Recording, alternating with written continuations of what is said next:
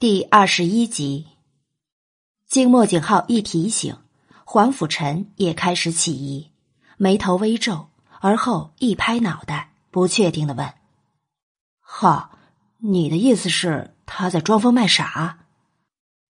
我什么都没说。莫景浩行云流水的写下最后一行字，搁笔，抽出另一本兵书，随意翻着。你刚才的意思就是这个吧？如果他们是被整，便是他在装疯卖傻，也不排除就是巧合。我现在倒觉得没这么巧。你不是打算将他收进景王府了吗？收进来后观察两天，是装疯卖傻还是真傻，能逃得过你的眼睛？没兴趣研究他。声音依旧冷淡，听不出任何情绪。黄甫臣摸着下巴，很认真的思考：若真如他们猜测的那般，楼大小姐只是在装疯卖傻，要怎样的奇女子才能做到这样？他日等他进了景王府，碰上浩这样冷冰冰的人，一定会很有趣。浩，还记得小时候我们顽皮闯进藏骨阁看到的东西吧？皇上坚决要让你们娶娄家四位小姐，就是因为那个预言吧？他一定不希望宣墨王朝易主。只是娄家四位小姐中，真的有人有那个本领，倾覆天下？藏骨阁，莫景浩的手一顿，思绪被拉远。藏骨阁是皇宫的禁区，当年他们才十岁。趁着藏骨阁的守卫不注意，偷溜进去，只是好奇里边藏了什么宝贝，没想到竟让他们发现惊人的秘密。说到才能，预言中的人应该是娄三小姐娄玄雅，她是皇城第一才女，不过她也只是琴棋书画比一般人厉害，靠着这些，确定能有什么作为？你很闲。莫景浩一挑眉，黄甫臣竟然有心思琢磨这个。看来兵部里事情很少，下次碰上皇甫尚书，别，我忙到快累趴了，好不容易才偷了个闲。那就少说废话，不过是一纸预言，并不一定可信。这哪里是废话？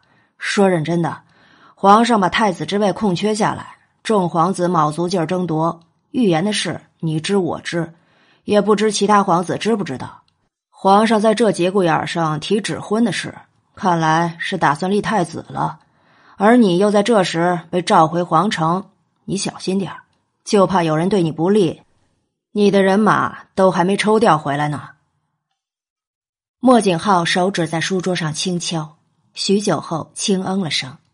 黄甫臣说的。他早就设想过了，数月前父皇下诏，他并没有立刻回城，也是这个原因。圣旨的事你接了吧，好在皇上没让你纳他为妃，只是摆在王府。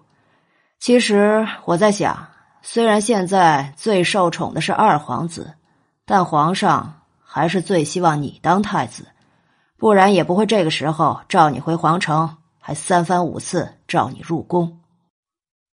臣，你这是替我拉仇恨。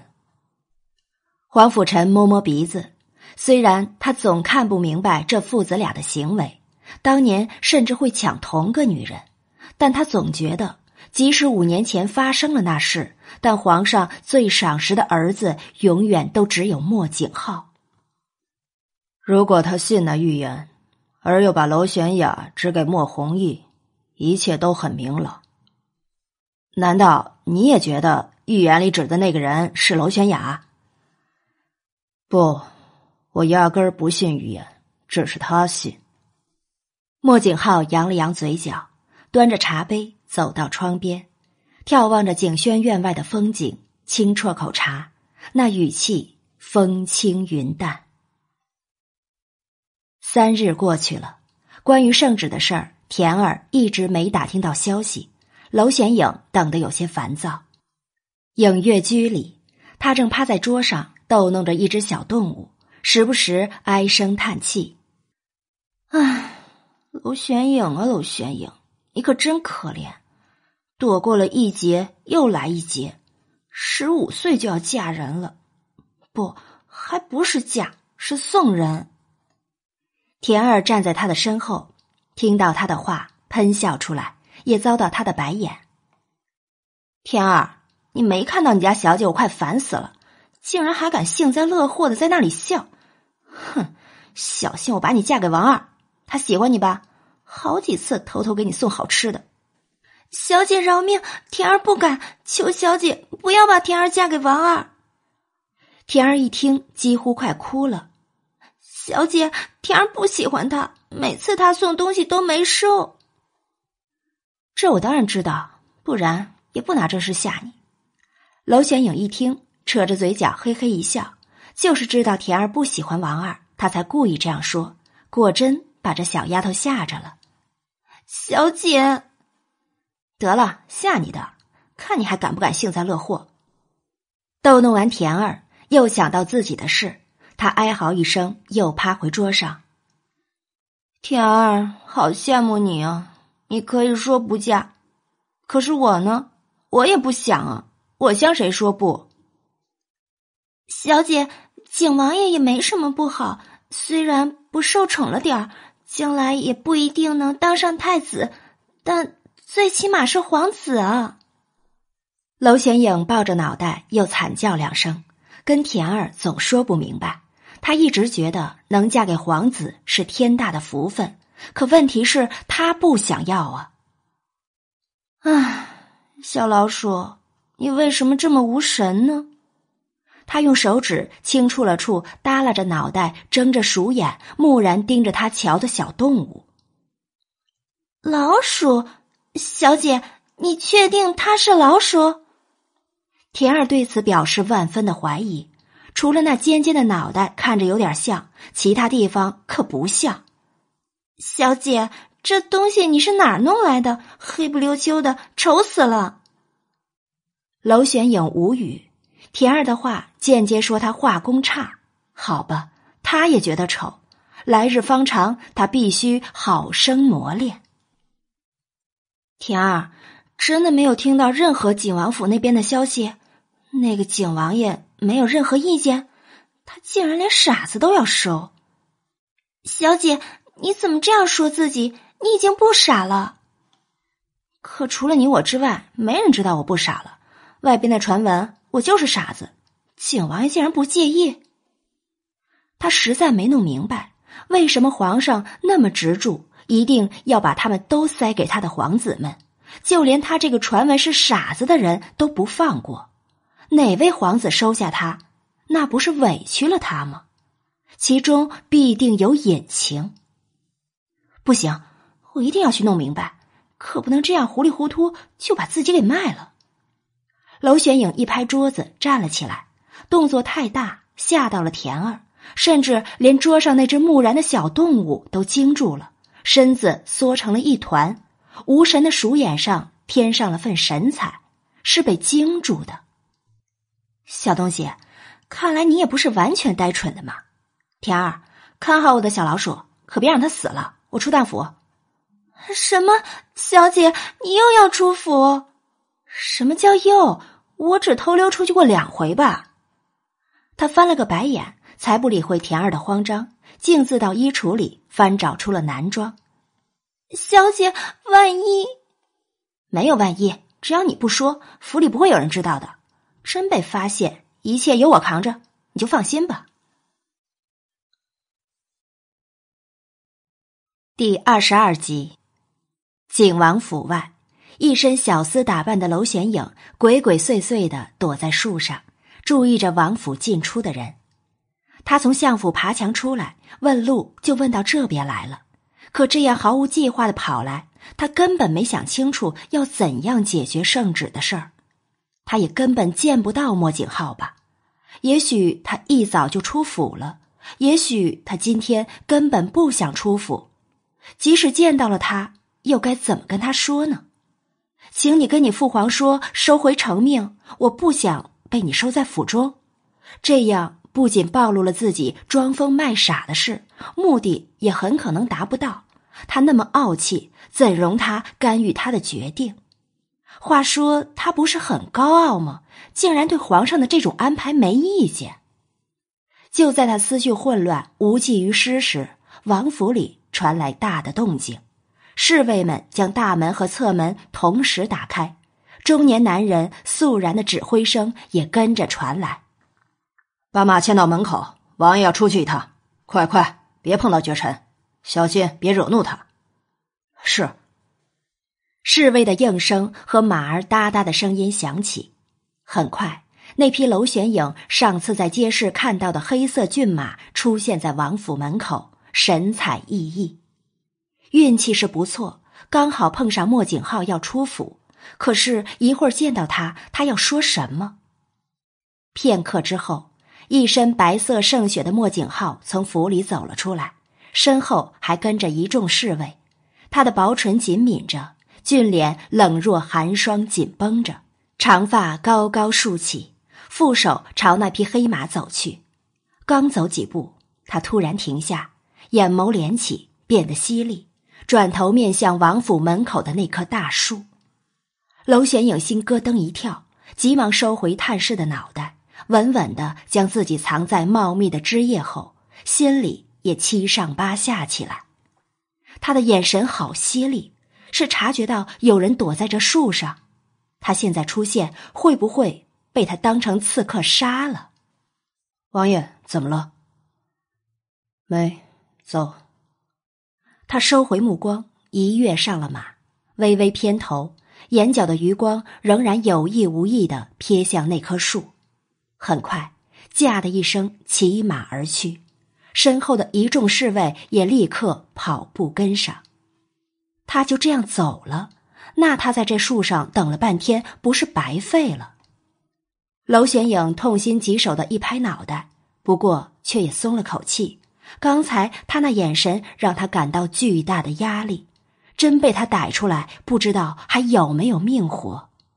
然而他不知道的是，刚过拐角，莫景浩就勒住了马，想招来暗夜，很快又改口：“白泽。”出动暗夜，那人非死即残。一身侍卫打扮的白泽站了出来，走至他跟前，拱手：“折回王府，把躲在树上的那个人揪出来，关进王府大牢，等候本王回府审讯。”是王爷。白泽拱手应声，没有任何逗留，施展轻功跃上了王府屋檐。刚才不止莫景浩注意到树上藏着人。白泽和暗夜也察觉到了，可这种事若王爷没开口，他们就不会有动作。他们只需提高警惕，保护王爷便好。让白泽感到奇怪的是，对付鬼鬼祟祟之人，王爷向来找的是暗夜，这次竟然找他。郁闷中的娄玄影警戒心很高，他察觉到白影飞速朝自己逼近，在那人伸爪时，他反应过来。立刻偏开身子，人也跟着跳下了树。白泽暗叹，他竟然躲得过他的攻击，看来不能轻敌。跃下树的同时，也抽出了腰间缠绕的软剑，凌厉的剑锋直逼娄玄影。娄玄影吓了一大跳，撒腿就跑。然而他的小短腿怎么跑得过一个绝顶高手？利剑直逼脑门。就在他尖叫的同时，右手腕被他扣住。整个人也被扳了过来，是你，白泽的声音里带着惊诧，是完全没料想到的诧异。啊，你！然而不等他反应过来，他的眼睛突然感到一阵热辣，刺痛的根本睁不开来，手中扣住的人也趁着这时挣脱开来。他闭眼，凭着耳力再次朝他伸手，轰的一声，爆炸声响起。干扰了他的听觉，用力睁开眼，模糊的视线中只有一阵浓烟。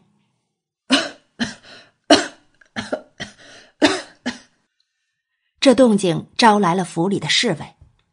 白护卫，发生了什么事？往相府方向追，把一个小厮打扮的少年追回来。白泽黑着脸，边咳边下令：“是。”娄玄影并没有往相府方向跑，而是随意找了条小巷钻了进去，伏在墙上喘个不停。刚才吓死他了，那个人快如闪电的轻功，要不是他反应敏锐，在他逼近时反应了过来，也幸好他有几手准备，辣椒粉、烟雾弹，否则他现在就成阶下囚了吧。莫景浩惹不得，他本身就是个危险人物。身边还有众多高手，他的小命玩不起。那个人竟然认得他了，莫景浩是不是也记得他这张脸？要是他真的顺应旨意被送进景王府，未来的日子不是会很惨？他想再装疯卖傻混日子也不行了吧？娄玄影愁死了，这趟出来不但没收获，还把自己吓得半死。看来得从别处下手。他的脑子转得飞快，最后决定直接找娄承德。如果被送到景王府，他的身份也会暴露，装傻是装不下去了。更何况他迟早要恢复成正常人，那就现在吧。这么一想，他绕小道折回相府后巷，身姿灵巧的翻进了影月居的院子，在田儿欣喜的目光中冲回屋里换衣服。小姐，太好了！这次你这么快就回来了。你家小姐我一点都不好，刚才差点死了。什么？田儿吓了一大跳，忙上前来检查，确定她没受伤后，总算松了口气。小姐，你吓死田儿了。娄玄影在田儿的帮助下换好衣服，又拧了帕子，将脏兮兮的脸洗净，而后将帕子一丢，宣布搬道：“田儿。”我去找爹，跟他摊牌。也许这样会给自己招来大麻烦。若他恢复正常，这嫡长女的身份是柳姨娘母女最大的隐患，他们第一个不会放过他。然而，不管结果如何，走到这一步，他必须得摊牌。等等，小姐，你在外面发生什么事了？为什么一回来就要去找老爷？娄玄影走了两步。很快又停了下来，咕噜噜的大眼一转，心生一计。他转身朝田儿勾了勾手指，在他走近后，附在他耳边小声说出计划：“小姐，你是要装？”第二十三集，嗯，帮我通传，让我爹过来。看田儿还在迟疑，娄玄影只好又催促道：“田儿，乖。”帮我这个忙，如果爹怪罪下来，责任我会担着。小姐，如果老爷惩罚你，不怕。看他这么坚定的神情，田儿虽然还是觉得不妥，也只好依了他。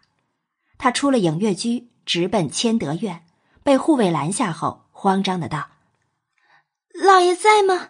大小姐病得很严重，嘴里一直叫着老爷，能不能请老爷？”到影月居看下小姐。相府的下人向来没把娄玄影放在眼里，更何况是大小姐身边的丫鬟。护卫听后，长戟依旧架起，不为所动。田儿急了，这些人竟然这么欺负小姐！你们不去通传，万一小姐出了什么大事，责任是你们担得起的吗？护卫互看一眼，许是被田儿唬住了，怕担责任。其中一个跑进去通传了。老爷，大小姐的丫鬟前来通报，说大小姐病得很重，嘴里叫着您，想见您。正在处理朝中事务的娄承德一听，眉头蹙起，冷言道：“病了就给他找大夫，我很忙，没空，让柳姨娘过去看看。”是老爷。护卫领命退下。将楼相的话传达给等候在外的田儿，田儿失望了，低垂下脑袋，慢慢往影月居走。小姐知道，肯定很伤心。回到影月居，田儿支支吾吾，不知如何开口。娄玄影倒是明白了，爹不愿来看我。他早就预料到了，让田儿跑一趟不过是不死心。没想到娄承德对他这个女儿真的这么冷清，只因为他是痴傻儿，丢了他的脸面。小姐，你别伤心，老爷太忙了，他说找大夫。糟了，小姐，一会儿大夫来了，你怎么办？田儿想到这事，焦急的在原地打转。娄显影喝了一大口茶，撇嘴道：“怕啥？兵来将挡。装疯卖傻他都在行，装病那只是小事。”他朝田儿勾了勾手指，待田儿凑近后，附在他耳边小声叮嘱。不过一炷香的功夫，影月居院子的门被敲响，嬷嬷大喊：“开门，开门！”柳姨娘给大小姐找大夫来了，还不快开门！娄玄影笑了，柳姨娘竟然也来了。她伸了个懒腰，站了起来，朝床走去，慢悠悠的脱鞋，躺到床上，被子一掀，嘴角的笑意敛去，换上一副病态，看起来似乎很痛苦。田儿啧舌，小姐变脸的速度真快，如果不是知道她在装病。看到小姐这样，她都会担心。田儿，去吧，让他们进来。哦，田儿听话的跑出屋子，打开院门，将柳姨娘迎了进来。哼，你这小丫头越来越大胆了。嬷嬷，我敲了这么久的门，你拖到现在才来，你是不是存心怠慢柳姨娘？皮痒了是吧？丁嬷嬷板着脸。训斥起田儿来，田儿惊慌自责，垂着脑袋睁眼说瞎话。柳姨娘，奴婢该死，小姐病得很严重。刚才奴婢在照顾小姐，一开始没听到敲门声，还请柳姨娘恕罪。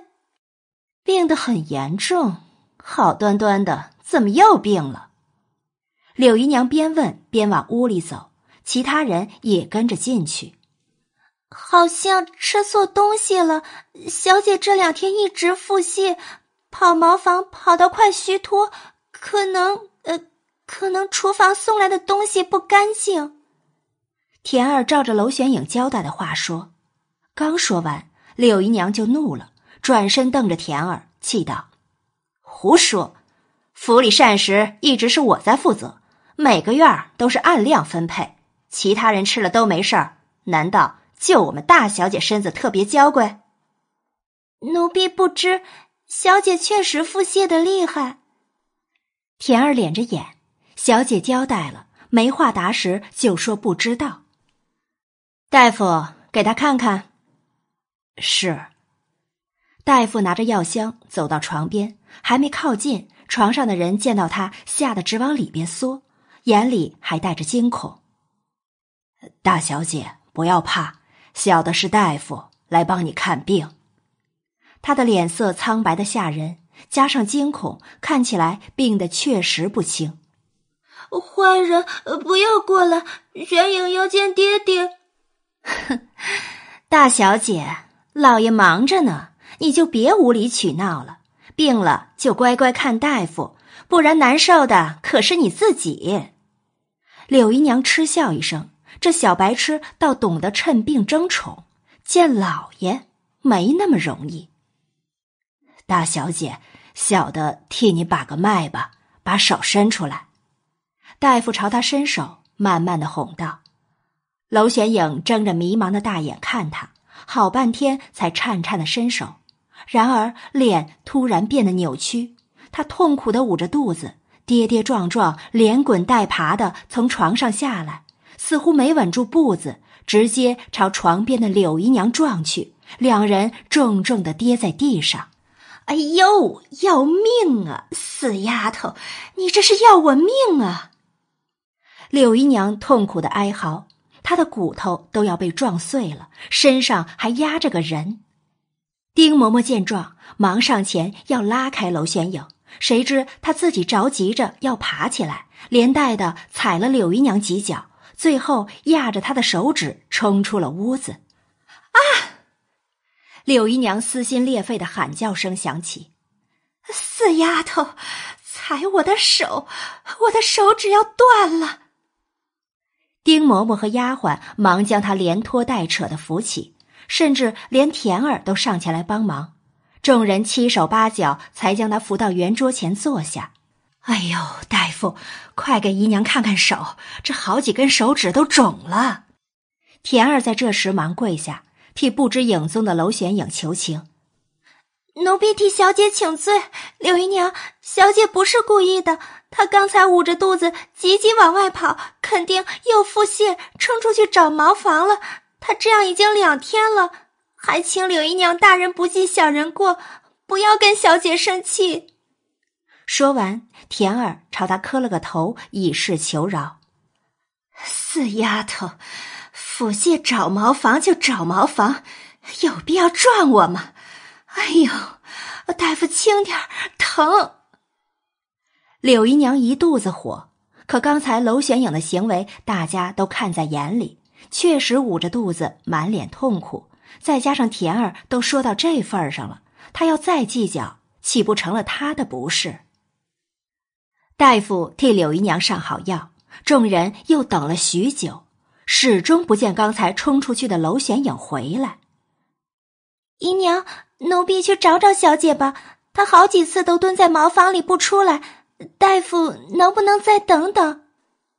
等？这都等了快半个时辰了。柳姨娘看着自己红肿的手就来气。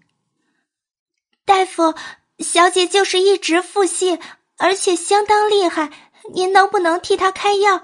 奴婢熬好药给小姐喝下。也好，小的看大小姐的症状，也应该是吃错东西导致的腹泻。大夫开了药单子交给田儿后，众人便尾随柳姨娘离开。很快。古灵精怪的娄玄影探着脑袋出现在房门口，嬉笑着问田儿：“ 他们走了？”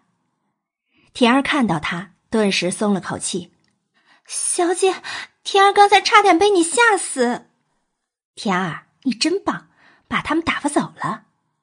他装病，表面功夫是能到位，可要是大夫替他把脉，他势必会破功，没办法，只能逃跑。小姐，老爷没来怎么办？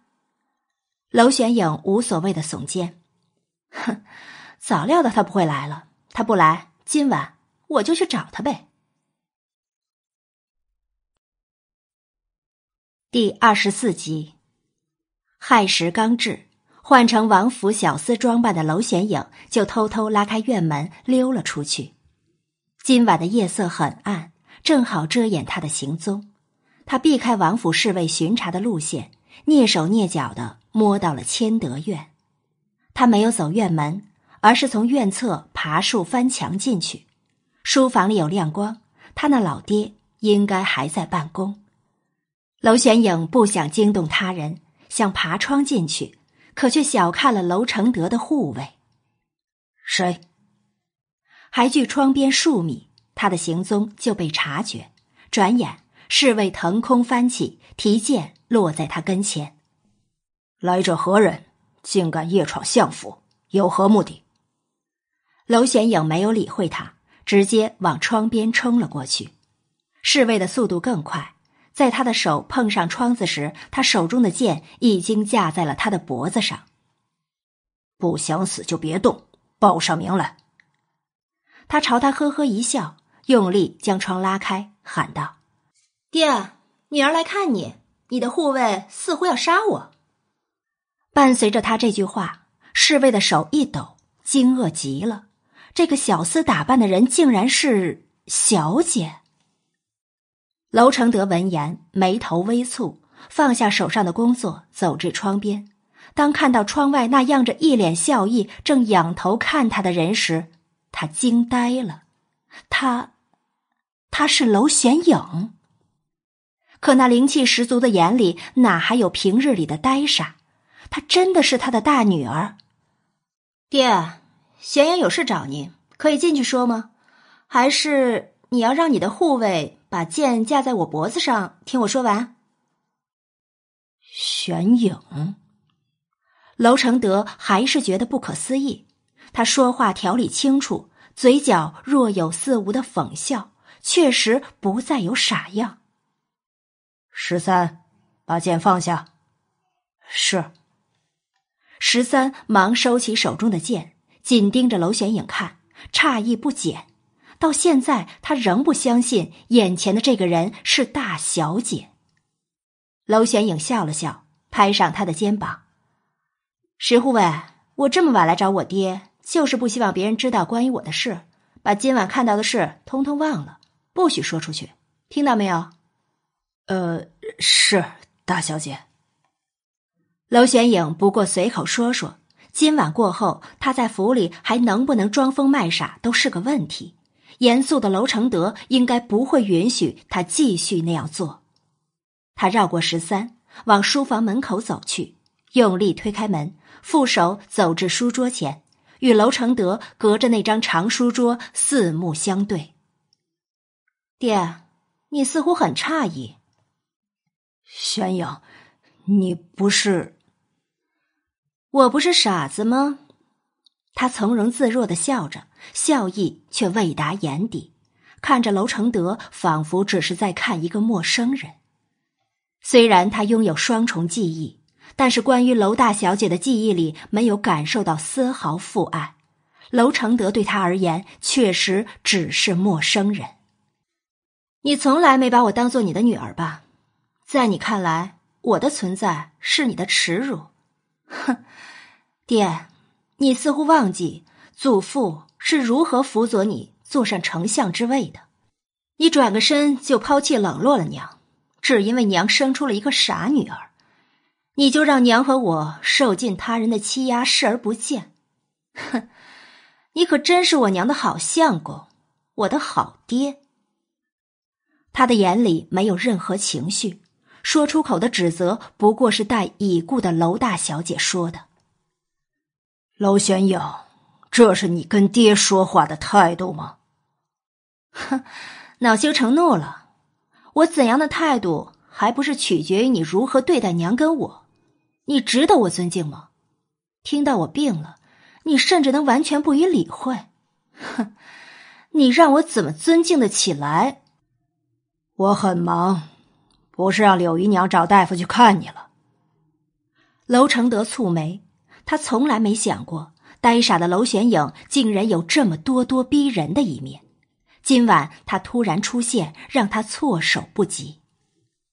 忙，娄丞相，你每天都跟皇上一样，都是日理万机，感情我打扰了你。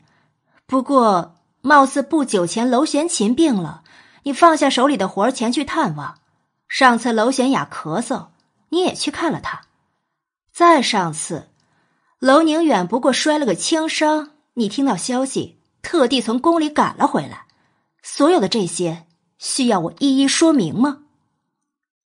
娄显影听到他说忙时，顿时就笑了。身为丞相，确实忙，但对娄玄雅等人来说，他是个慈爱的父亲，再忙也能关爱他们。可怜的娄显影，只是被摒弃的孩子。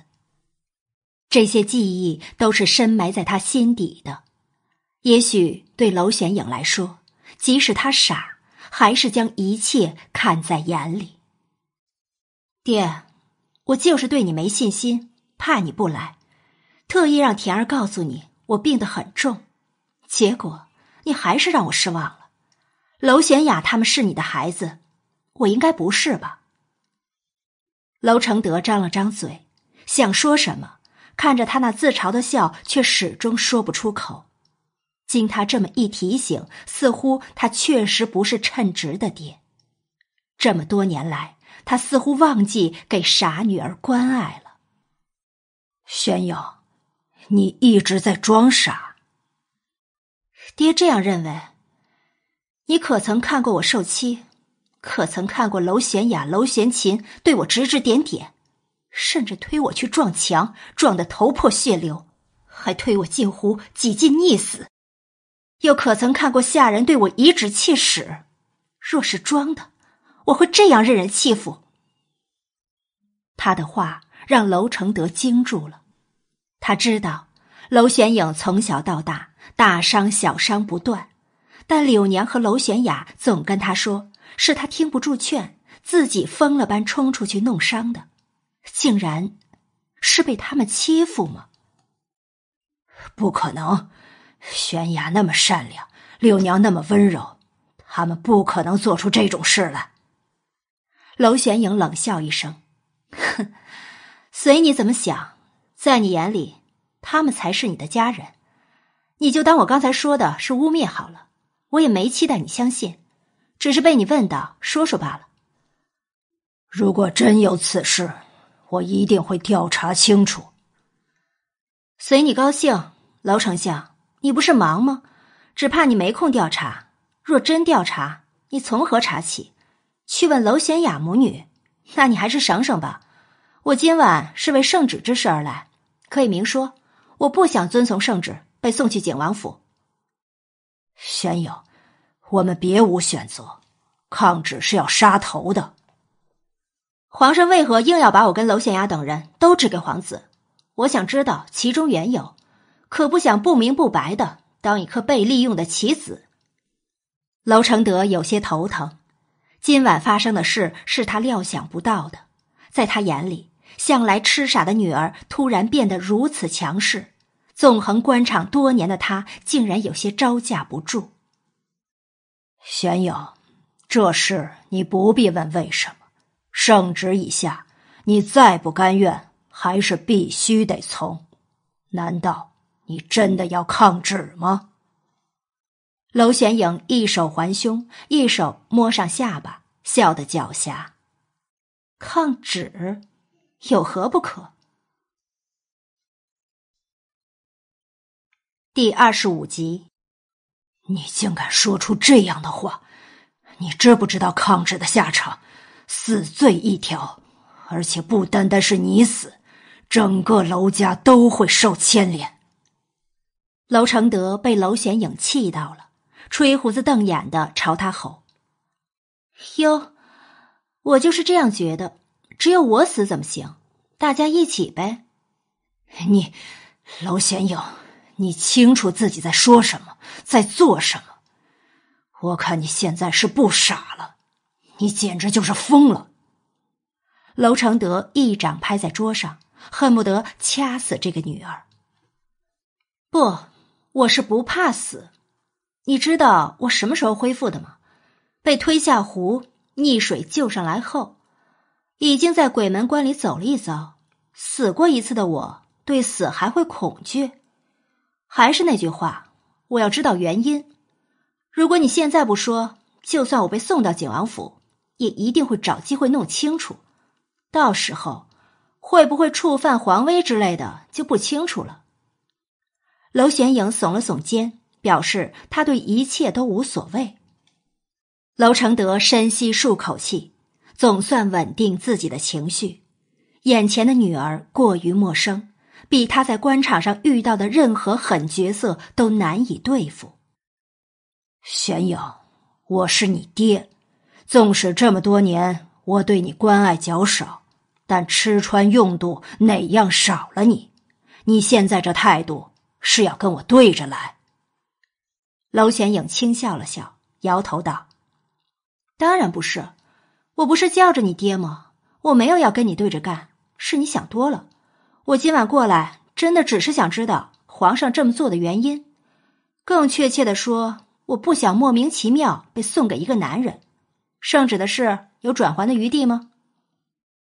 娄承德叹气，看来他不达目的。绝对不会罢休。没有，就算你不是被送进景王府，也会被送进其他王府。你不愿去，爹又何尝愿意把你们四姐妹就这样拱手送出去？可皇上给我放了狠话，你们只有三种选择：一是嫁，二是为奴为婢，三是死。你总不至于选第三种吧？他一听，眉头高高皱起，依旧执着答案。原因？娄承德犹豫了很久，长叹口气，终于妥协，压低声音，小声道：“爹告诉你，你听过就好，千万不可外传。”娄玄影点头应允，便听到他用沧桑的语调缓缓道来：“皇宫暗阁里有个预言，你们四姐妹中有一个人，谁能够得到，谁就能拥有天下。你觉得皇上会放过你们四人吗？”这样也行？哪个变态竟然留下这种预言？娄玄影傻眼的同时，也在心里腹诽：“爹，那个人不会是我的。半个月之前，我就一个傻子，什么都不懂。现在能想事儿了，可大家闺秀该有的琴棋书画一样都不会。这样的废柴，怎么可能是预言里的那个人？我相信没用，关键是皇上。爹也不想答应皇上的要求。你们都是爹的女儿，是一家人。”若分别被纳入不同王府，将来皇位之争时就是敌人，这不是我乐意看到的结果。这也是最令娄承德心痛的事。可皇上是君，他是臣，根本没能力跟他对抗。他除了把女儿拱手送人，还能做什么？敌人？娄玄影撇嘴，很快又嘿嘿一笑。品味着这个词，倒是觉得有趣。爹，难道你不知道，即使在相府，我们也像敌人吗？说完，他又自言自语起来。也罢，对我而言，去哪儿都一样，相府也好，景王府也好，不过是换个地盘继续生活。娄承德忽然觉得，他理解不了他的思想，仿佛很多事在他看来。都很淡然。玄影，你是不是对爹、对玄雅他们有恨？你介怀二皇子退婚的事，圣旨是推不掉了。但如果你不想去景王府，爹可以向皇上请示。当初与二皇子有婚约的人是你，你现在也恢复正常了，这事还是可以商量的。莫弘毅。那家伙他更看不上眼，他对自己的鄙夷还历历在目。这种人他才不屑，去他府里还不如就去景王府。虽然莫景浩也是个孤傲讨人厌的家伙，但至少他的容貌他不嫌弃。他力量太薄弱，连娄承德都无法抗拒的事，他除了认命还能做什么？七位皇子他都见过了。除了莫景浩没有亲眼看过他疯癫的模样，其他人都万分嫌弃他，他也没必要贴上去。就莫景浩吧，船到桥头自然直，走一步算一步了。他摸了摸鼻子，拖了张椅子坐下，径自给自己倒了杯茶，而后才悠悠道：“爹，二皇子还是给娄玄雅吧，我不要。”喝完茶，他站了起来。又道：“爹，照顾我娘，她生性懦弱。你娶了她，她就认定你一辈子。如果连你都嫌弃她，她这辈子就没寄托了。”娄承德脸色微难，他确实负了宣娘。娄玄影说的是，当年他是借助程家才当上丞相的。他机不可闻的轻嗯了声：“宣娘要是知道你不傻了。”一定会很高兴。你都没怎么去看他吧？不去看他还眼不见心不烦呢。他的心思在你身上，不在我这儿。爹，谢谢你告知我想知道的事儿。挺晚了，我回去了。对了，爹，七天后我就要去景王府了。为了避免不必要的麻烦，我不希望别人知道我恢复正常了。你能不说出去吗？为什么？哼，娄玄影别有深意的一笑，也不再多说什么，朝他挥了挥手：“爹，我走了。”说完，他头也不回的推门离开。娄承德透过窗子看着他瘦弱的背影渐渐消失，一时有些恍惚。回想他进来后所说的话，始终觉得不可思议。他提到。关于柳姨娘和娄玄雅等人的事，也让他心惊。这么多年来，他只知忧心国事，相府的事都交给柳姨娘全权处理了，他看到的难道都只是表面的太平吗？如果娄玄影说的是真的，他该多心寒。十三，进来。推门声传来，一直守在书房外的侍卫走了进来，拱手道：“楼下，派人查一下，我不在府里，发生在几位姨娘和小姐身上的事，私底下查，知道吗？”十三是他的心腹。平日里只听他的命令，不会偏袒任何人。他刚才没有支开他，他和娄显影刚才的谈话，他应该也听到了一些。他很放心将这事交给他办。十三应下，却也提出疑问：“楼下，查过去发生的事，势必要追问相关的人。如果大小姐刚才所说的话为真，府里人能做的天衣无缝，那自是他们的本事。”要追查可能会让他们起疑，要找出真相也困难重重。如果是假的，娄承德捏了捏眉心，他宁愿那些事都不是真的。先留意着吧。第二十六集，七天平静的日子很快过去。圣旨上要求将娄玄影送去景王府的日子也到来，这七天让娄玄影觉得很诧异，他万万没想到娄承德真的没把他装疯卖傻的事说出去，留给他安定的自由。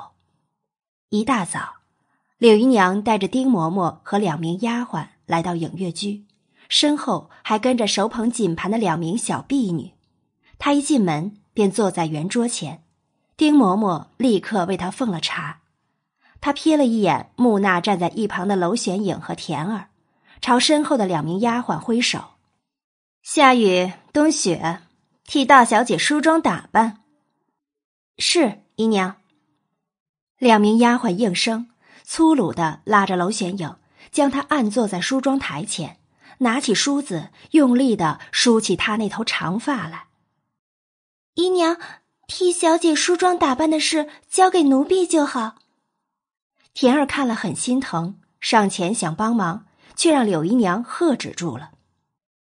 田儿，今天我就是特地叫了两个手巧的丫鬟来替大小姐梳妆打扮的。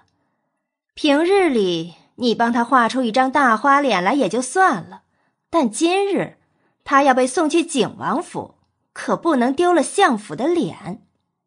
夏雨、冬雪，还不快点儿！柳姨娘边说边端起茶，轻啜一口。夏雨和冬雪一听，更是用足了劲儿，梳子狠狠刮着娄玄影的头皮，让他吃疼的按住脑袋。老虎不发威，他们还真当他是病猫不成？他尖叫一声，推着夏雨去撞冬雪，看着他们俩痛呼的撞作一团。心里顺畅了几分，可他又可怜兮兮的抱住田儿，哼，他们弄疼玄影了，玄影不要让他们梳头发。大小姐梳个头发而已，你也太娇贵了吧？时候可不早了，景王府的马车很快就要到了。我要田儿梳，田儿手脚努笨。夏雨和冬雪是一等丫鬟，让他们伺候你。对了，好歹你是相府大小姐，笨手笨脚的丫鬟就不要带去了，以后就让夏雨和冬雪跟着你。田儿一听，吓得身子一抖。姨娘的意思是不让她跟着小姐到景王府，以后她在相府不管跟着哪个主子，一定会被欺负的。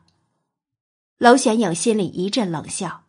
让夏雨和冬雪跟到景王府去，柳姨娘是想在他身边安插眼线吧？如意算盘打的倒是响。发觉了田儿的不镇定，他抱着田儿的手，在他腰上轻轻一掐，在田儿看过来时，朝他眨了下眼睛，示意他别慌，他的人还轮不到柳姨娘来做主。他放开田儿，傻愣愣的走回梳妆台前。在锦盘上摆弄了一阵，不知做啥。等他转身时，衣袖下已藏起了那把刚送来的梳子，尺子很锋利，刮在头皮上很痛。他到现在都还觉得疼。他朝柳姨娘一步步走过去，双目毫无焦距。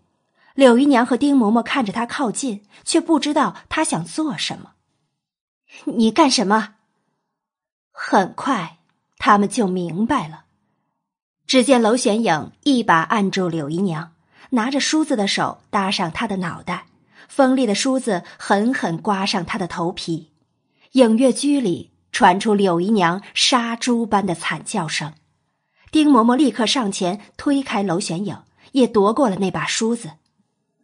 柳姨娘，玄影帮你梳头发呀，他们就是这样帮玄影梳的。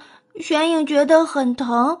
可姨娘说他们梳的好，所以玄影觉得也应该帮你梳梳。你也觉得疼，对不对？娄玄影眨巴着无辜的大眼，一脸天真的对柳姨娘说：“你。”柳姨娘气得用手指着他，可却一句反驳的话都说不出来。她刚才自挖了陷阱，在他喊疼时说他太娇贵，如今他还能说什么？柳姨娘疼得眼泪都出来了，这个死丫头明明是个白痴，为什么这几次都是她吃亏？这样的娄玄影跟以前根本不一样。夏雨冬雪，别忘了她是大小姐，小心伺候着，连梳头发都不会，你们还要在相府待吗？奴婢该死。夏雨冬雪没想到。向来任人欺负的大小姐，竟然会闹这么一出来，被柳姨娘训斥着，只能颤颤的低头认错。好在他们不敢再放肆，手脚也麻利，很快就打理好一切，又替娄玄影换上了粉色极地衣裙，头上插了很多珠花，压得她脖子酸痛。再看身上的长裙，娄玄影很嫌弃，她又不是嫁到景王府。明明是被当垃圾一样送过去的，干嘛搞得这么隆重？这样怎么走路？嗯，这么一打扮，我们大小姐也水灵的好看。夏雨冬雪的手果然很巧，哪像田儿笨手笨脚。以后夏雨他们跟着你，你就可以天天这么漂亮了。柳姨娘拉着她的手，左看右看，笑着赞赏。可那笑怎么看怎么假。姨娘，玄影也要甜儿嘛？玄雅有一个、两个。娄玄影低头掰着手指数起数来，很快又再次仰头朝柳姨娘甜甜一笑，伸出小手比道：“有五个人陪着，玄影为什么只能有两个？我要三个嘛！我要三个。”柳姨娘嗤笑一声，鄙夷的看着他，一个傻子也敢拿自己跟他女儿比。他女儿很快就要嫁给最受宠的二皇子了，而他不过是像破布一样被送到景王府。要不是老爷交代，他今天才不愿带人来给他梳妆。当然，这些话他只敢在心里想着。他假笑着安抚。贤雅每天很忙，琴棋书画都要学，多几个人伺候也是正常的。你这些都不会，吃吃喝喝两个够了。不够，姨娘不给我，我就去找爹爹。田儿一直跟着我，为什么要拆散我们？坏人，你们都是坏人！他闹腾起来，抡起拳头就打人。柳姨娘慌忙往后躲。他又发疯了，姨娘，你主要是想让夏雨冬雪跟去景王府打探情形，让那小丫头跟着也没什么，万一真闹起来，传到老爷那儿可不好。丁嬷嬷附耳朝他嘀咕，柳姨娘想想也觉得是，再看他狂怒的带着他们就打，只好妥协，不耐的道：“好了好了。”就让田儿跟着你，时候不早了，别跟条疯狗一样乱咬人。好不容易打扮好，一会儿又弄乱了。娄玄影撇嘴，敢说他是疯狗，给他记着。就算他被送去景王府又如何？早晚有一天也会回来整死你。见他终于消停了，柳姨娘松了口气，轻咳一声：“ 走吧，景王府的马车肯定过来了。”不要，玄影收拾了好多东西要带走的呢。娄玄影说着，跑到床边，从床底下拖出两个大箱子。田儿见状，忙上前帮忙。他将一个装着众多画卷的青包袱和砚台交到田儿的手里，这个田儿你拿着。哦，好。娄玄影又看向夏雨和冬雪，指着地上的两个大箱子，对他们说道：“姨娘说你们手脚麻利，干活肯定也厉害。这两个箱子，你们一人搬一个吧。”第二十七集，众人傻眼。夏雨和冬雪看着那两个大箱子，困难的吞了吞口水。刚才见娄显影和田儿合力将他们从床底下拖出来，都费了很大的劲儿，让他们一人搬一个，当他们力气有多大呀？柳姨娘嘴角微抽，越来越琢磨不透这丫头了。我说大小姐，你就放心好了。毕竟你是娄家大小姐，老爷早给你备了嫁妆，你这些东西就不用带去了。走吧。不，这些东西是我的，我就要带走。谁知道我下次回来会不会被人偷走？他占有欲十足的趴在那两个大箱子上，一脸固执的说着，还特别强调了“偷”字。谁要你的破玩意儿？何况出了相府，还有几时能回来？柳姨娘心里嗤笑，没人要你的东西，要带走就带走。但府里多的是奴才可以搬，两个小丫头有什么力气搬？柳姨娘说完，朝院子外喊话：“来人，不要玄影就要他们搬吗？你不说他们干活很厉害，连个箱子都搬不动。玄影不要他们了。”姨娘，给我换个能搬箱子的人嘛！换嘛换嘛！娄玄影耍赖的跺着脚，说出来的话疯疯癫癫，完全就是在无理取闹，可语气却异常坚定。若他们搬不动，他就势必要换人。娄玄影，你以为你是公主啊？要个丫鬟还由得你挑？柳姨娘一吼，她终于安静下来了，怔怔的看着他。一会儿后，弱弱的道：“那就不要他们了，他们跟着玄影也没用，有田儿陪着我说话就好。”柳姨娘皱眉，盯着他看了许久。娄玄影这死丫头，不会是在装傻吧？他猜到他安排夏雨和冬雪是在他身边当眼线的，所以用尽各种法子想要赶走他们，门儿都没有。夏雨和冬雪是他一手栽培起来的，安插进景王府，不看着这死丫头，盯着景王爷看他有什么动作也好，也算替二皇子和他女儿的未来铺路了。装傻，柳姨娘醒悟过来，觉得这个可能性很大。最近娄玄影的行为越来越奇怪，虽然看着还是痴傻，可根本不容他人欺负。娄玄琴、七皇子和他都吃过他的亏，去了景王府，到时候夏雨、冬雪天天跟着，看他能装到什么时候。夏雨、冬雪，你们一起搬，分两趟搬出去，让大小姐看看我给她挑的丫鬟有多能耐。夏雨、冬雪必须跟去景王府。啊！他们俩一听。吓得只差没跪在地上求饶。府里有这么多男丁，为什么要让他们搬？还不快搬！连个箱子都搬不动，相府不需要这种废物。你们想被赶出相府吗？不不！两人拼命摇头，而后又点头。奴婢们搬。见他们点头，娄玄影心里偷笑了笑，从箱子上站起来。将位置腾出来给他们。夏雨和冬雪分站在箱子两头，沮丧着脸，半蹲下，使出了吃奶的劲儿，总算搬动了箱子。踉跄着走了两步，实在太重了，又将箱子扔回地上。姨娘，箱子真的好沉啊，奴婢们搬不动，搬不动。那玄影不要你们跟着了，搬，慢慢搬，也给我搬出去。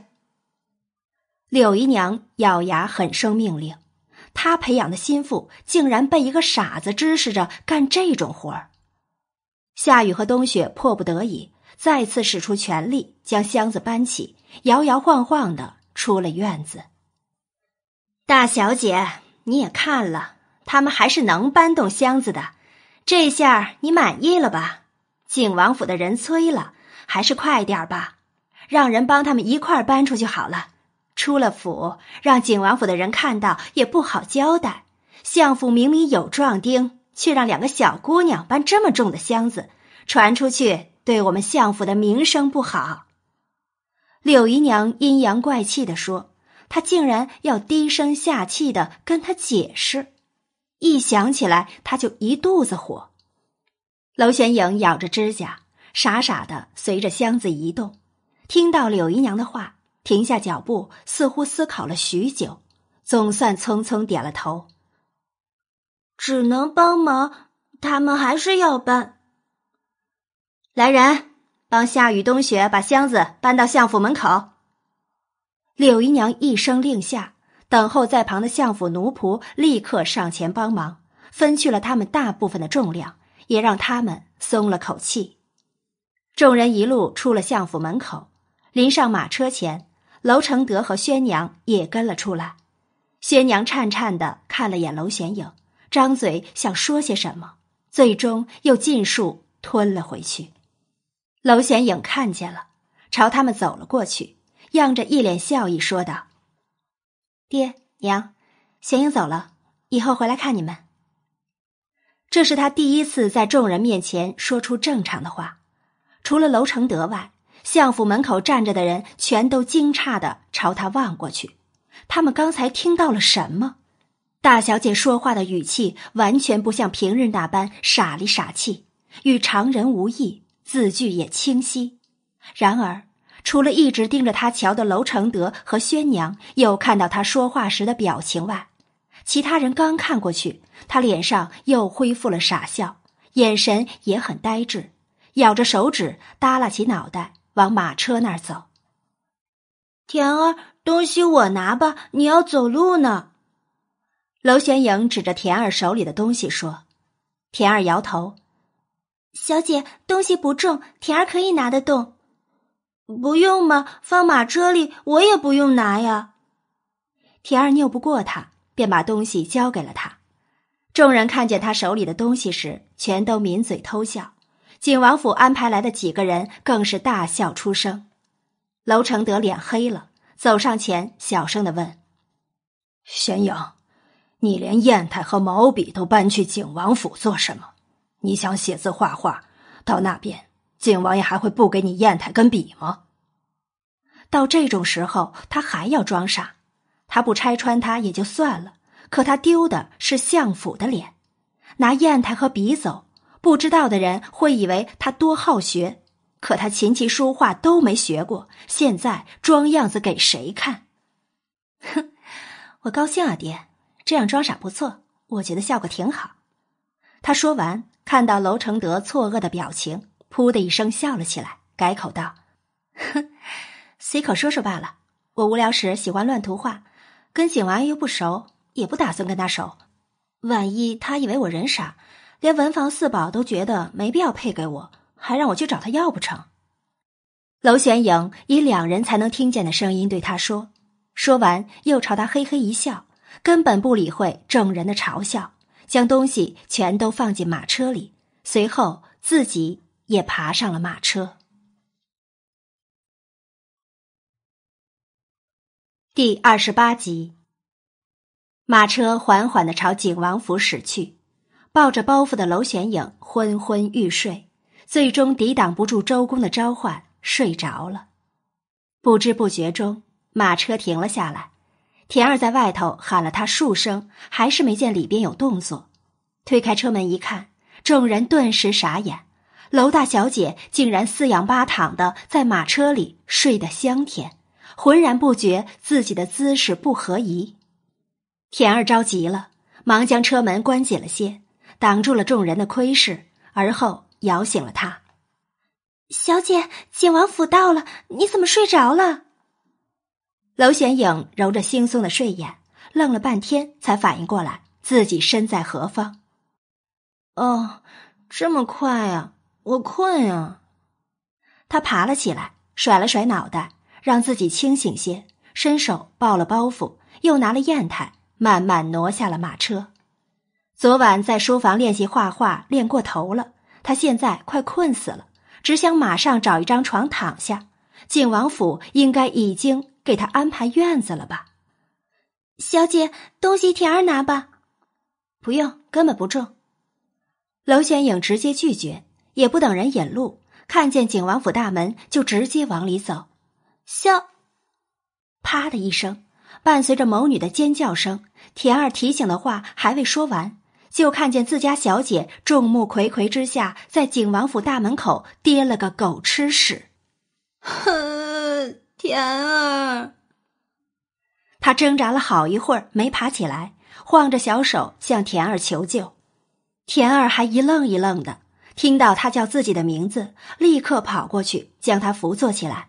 当看到他的脸时，扑哧一声笑了起来，在他耳边小声询问：“小姐，你演戏也不用这么卖力啊，这么摔你不疼吗？”娄玄影欲哭无泪，他才不是装疯卖傻故意跌倒的，就算想装，他也不会采取这种自虐型的方式。画轴很长。抱在胸前的包袱挡住了他的视线，裙子很长，加上他又很困乏，在跨王府门槛时凭着感觉抬腿，王府的门槛比他想象中还要高，于是他就五体投地的跌趴下去了。小姐，你的脸。经田儿一提醒，娄玄影也觉得自己的脸黏糊糊的，抬手往脸上一抹。欲哭无泪变成哀嚎，尼玛！砚台上的墨汁都沾了他一脸。低头一看，粉色衣裙上也沾了墨黑一大片。他将砚台带来是整自己的吧？哟，娄大小姐刚进门就行了如此大礼。爽朗的笑声传来，丝毫不给他留面子。王爷吉祥，皇甫大人吉祥。娄显影一抬头，只见两道白衣身影一前一后的朝他这边走来。走在前头的正是刚才笑话他的黄甫臣，走在后头的就是景王府的主人莫景浩。黄甫臣手里摇着把折扇，看着地上一身狼狈、满脸黑兮兮的娄玄影，他总有喷笑的冲动。自从上次跟莫景浩聊过之后，他一直很期待再次碰上娄玄影。想一探他虚实，究竟是装傻还是真傻？自知今日是他被送来景王府的日子，他更是赶了个大早。没想到好戏还真被他给碰上了。不同于黄甫臣满脸的戏谑，莫景浩的眼神匆匆掠过坐在门口边的娄玄影，在他脸上仅停留了片刻，蹙眉陷入了深思中，很快又冷着脸别开了视线。因黄甫臣的笑话声，王府的奴仆全都闷声偷笑。娄玄影垮下脸，在心里咒念起黄甫臣来。他已经够倒霉了，他竟然还没同情心的笑话他。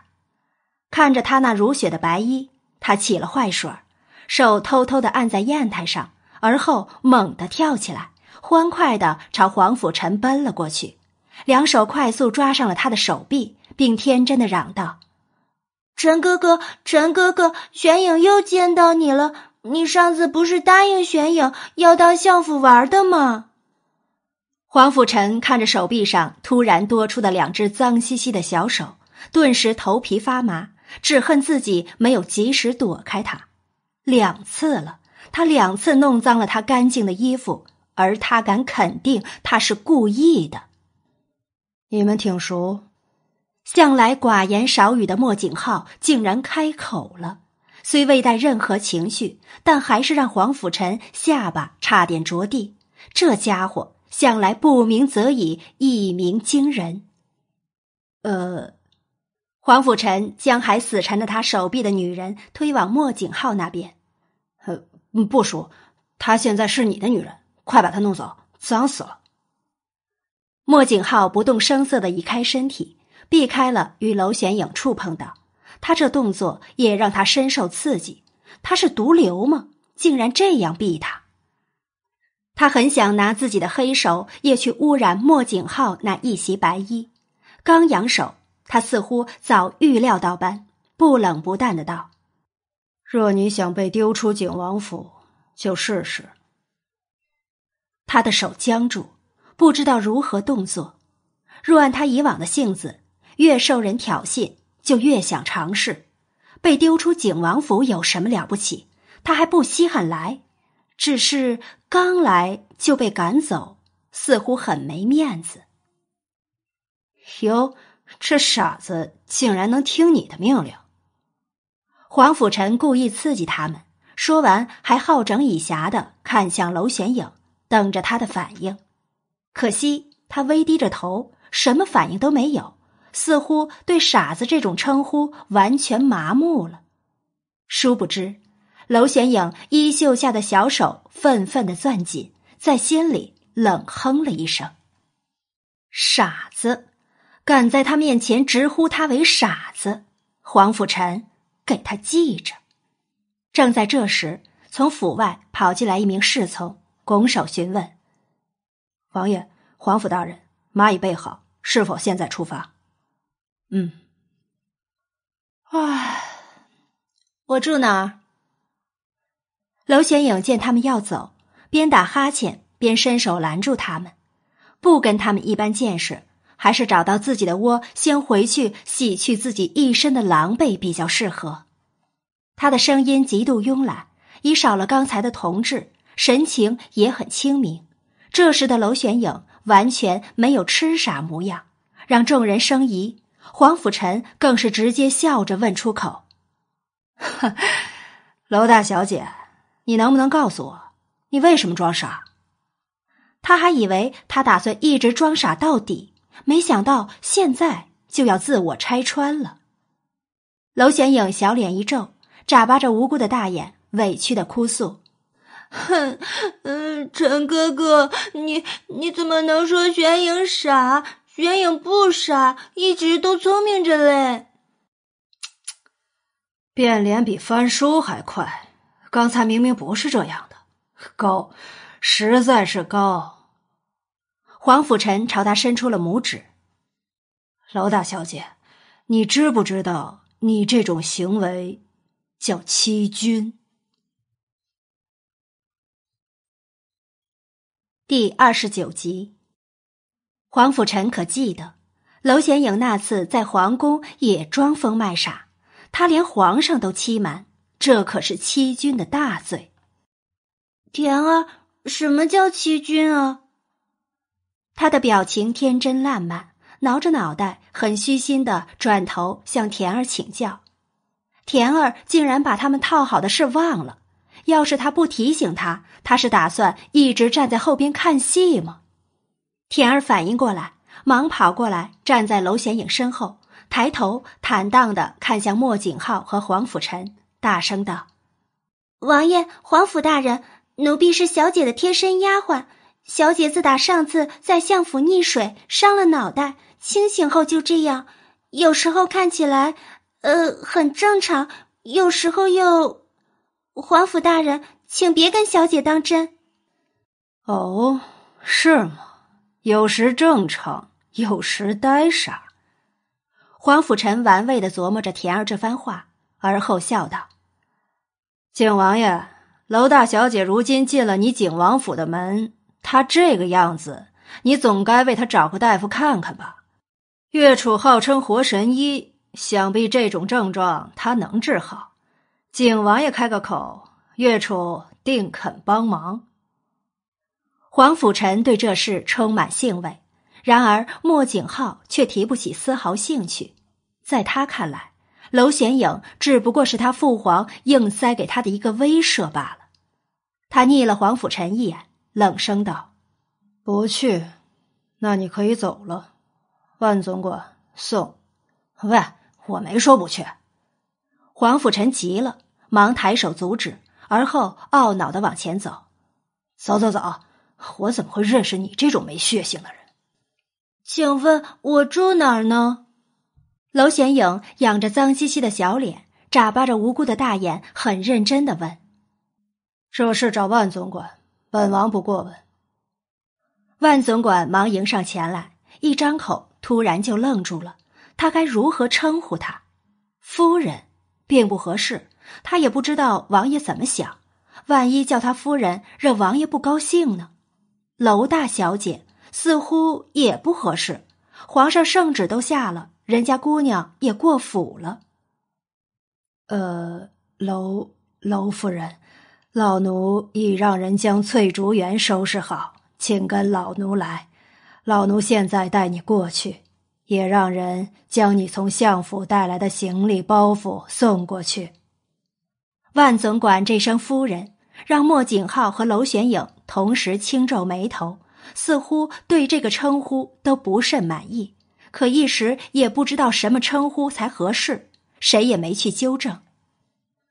谢谢万总管，不用另外找人了哟。姨娘送给玄英两个很能干的丫鬟呢，她们心灵手巧，什么都会做哦。在相府，我的那些东西就是他们搬出来的，我去叫他们搬。娄玄影拍着小手。很自豪的说完，转身便蹦跳着朝听了他的话已经呆傻的夏雨冬雪走过去，伸出黑漆漆的手摇晃着他们的手臂。夏雨冬雪，万总管要带我们去什么园？你们快点把东西一块搬去嘛！莫景浩刚抬腿走了几步，听到他的话，脚下的步伐一顿，不由得多看了他一眼，眼里。多了份探寻意味，黄甫臣直接笑了出来，用手肘撞了撞莫景浩，朝他挤眉弄眼一番：“哼，以后景王府应该会很热闹。”“哼，你看热闹是吧？”“当然是。”黄甫臣很诚实的想，但鉴于眼前这位别扭的老兄惹不得，他觉得这话还是留在心里想想就好。娄玄影一路走着，一路观察景王府的景致和布局。景王府很大，有东西南北四个大院。翠竹园被安排在西院最偏远的角落。西院是客房。凭莫景浩那冷酷的性子，可想而知，平日里西院不会有什么人，所以也是府中被孤立的院子。娄显影没在意，他来景王府又不是来争宠的，越偏远。他反而越自由。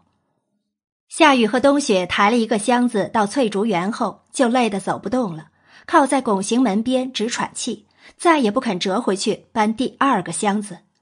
娄玄影绷起脸，嘟着嘴，脚一跺，不满的训斥他们：“哼，姨娘说的根本就是假的，你们连个箱子都搬不动。”夏雨和冬雪刚要回嘴，见万总管等人还在场。最终把到嘴的话吞了回去。夫人，他们只是姑娘家，这些力气活还是交给王府仆人干。老奴一会儿就让人把其余东西给您搬进来，您可以先进去梳洗。那一身的墨汁，甚至大半张脸都黑漆漆的，他也应该打理一下。万总管留下这些话，带着王府其他人就离开了。他们前脚刚走。刚才还累得跟条狗似的，夏雨和冬雪马上挺起腰杆，骂起了娄玄影：“哼，傻子，竟然敢叫我们搬东西！”他们站到娄玄影面前，想着像以往那般，抬手就要掐他、扯他的头发。娄玄影举目四望，确定没人后，扣住他们伸过来的手，两手猛力下拉。在他们没反应过来时，连续两个过肩摔，啪啪两声，刚才还盛气凌人的两个凶丫鬟顿时摔趴在地上，哀嚎不已。娄玄影高傲的扬起下巴，拍了拍手上并不存在的灰尘，心里哼了声。他在现代时可是空手道、跆拳道和柔道高手，这两个小丫鬟妄想欺负他，等下辈子吧。怎么还想跟以前一样以下犯上？几个人围着我欺压，当我这个大小姐是软柿子随便揉捏。痛呼过后，夏雨和冬雪互望一眼，都在对方眼里看到了惊讶，再愣愣的看向面色与常人无异的娄玄影，终于结结巴巴说不出话来：“你，你，你什么你？别忘了你们的身份。”现在柳姨娘把你们安排在这里给我使唤，你们就给我安分点别让我抓到你们的小辫子，不然，哼，下次可不是这么简单的摔一摔。你们可以试一试，我会让你们知道什么叫惩罚。他说完这些话，也懒得去搭理他们，潇洒的转身就往屋里走，脸上沾了墨，越绷越紧，实在不舒服。他还是。先把脸洗净再说。走了两步，又想起了什么，于是他转回身，笑看着他们，补充道：“对了，如果你们想回相府告密之类的，我劝你们省省。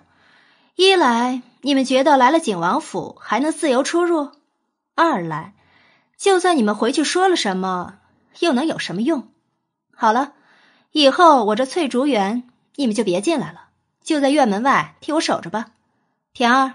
一会儿万总管派的人把东西搬过来后，你就把院门关上。我不希望闲杂人等进来打扰。啊，是。惊讶的不只是夏雨和冬雪，田儿也被吓住了。他一直跟着小姐，怎么不知道她那么厉害？竟然在眨眼之间就把夏雨和冬雪给掀翻在地上了。第三十集，娄显影进了屋，立刻将身上的脏衣服换下。田儿也打了一盆水替他清洗脸上的墨汁。然而他的脸蛋儿都被揉搓的火辣辣的疼了。田儿的动作还没停下来。田儿，疼啊，还没洗好。小姐好像洗不干净，还是沾了层墨。娄显影一听，撇撇嘴。顺手捞过桌上的小铜镜，照了照，墨迹虽然还在，但已经淡了很多。他不甚在意的挥手：“唉，就这样吧，多洗几次脸，洗洗就没了。”可是，小姐，你这样怎么出去见人啊？那就暂时不出去呗。哦，田儿点头，而后将娄玄影换下来的衣裙收拾好，刚要拿出去，又想起一件事，有些担忧的问。小姐，刚才田儿说的话，景王爷和皇甫公子似乎并不相信，那样真的没问题吗？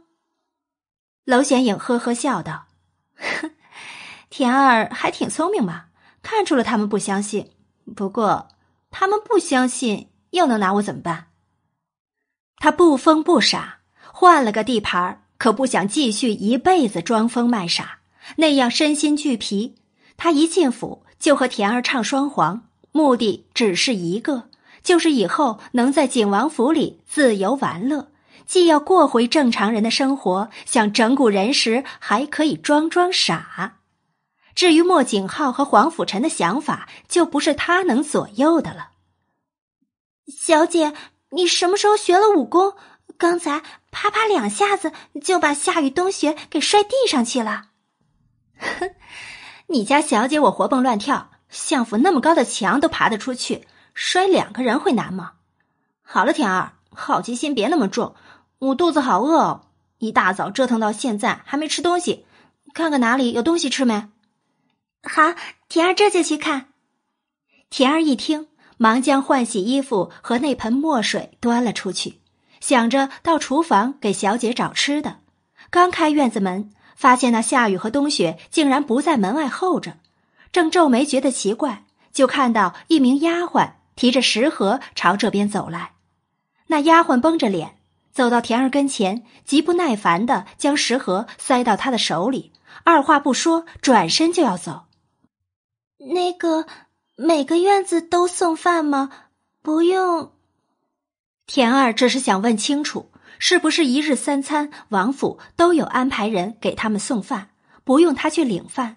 然而那丫鬟似乎理解错了，斜眼睨着他，嘲讽道：“哼，别说王爷现在出府了，就是在府里，王爷也不会跟你家小姐同桌而食，别妄想了。更何况还是一个傻子。”留下这些话，他冷哼一声就离开了。田儿听得一愣一愣的，反应过来后，扁着嘴，极不高兴，为小姐抱不平。来到景王府，还是连下人都欺负小姐。他提着食盒回去，嘟着嘴将刚才的事说给娄玄影听，说完还抱怨起来：“小姐，他什么意思嘛？居然这么过分，说你妄想跟王爷一块吃饭，你明明就是王府的女主人。”等等，田儿，我们这只是暂时寄人篱下。娄显影一听，头都大了。忙打断田儿：“什么女主人？可别吓她！要不是形势所逼，她才不会答应这样随随便便被送人。她有计划，等她养精蓄锐，早晚有一天，她会拍拍屁股离开这个景王府。可是，没有可是，就是寄人篱下。他的话你别放在心上，他说几句，我又不会少几块肉。看不起就看不起呗，还不是要给我送饭？”最好别当着他的面招惹他，那他的日子还能过得舒坦。吃饭吧。饭菜挺足，他一个人吃不完，于是他将两样菜倒一起，收出了个盘子来，又将大碗的米饭分出一半。这顿就将就一下，以后你就把饭端来一起吃吧。小姐，田儿只是丫鬟，不能跟主子一起吃饭。田儿伺候你吃完饭，就去跟其他丫鬟一起吃。你也刚来，认识着景王府其他人，还是你要去跟夏雨、冬雪一块吃？在娄玄影的观念里，可没有等级之分。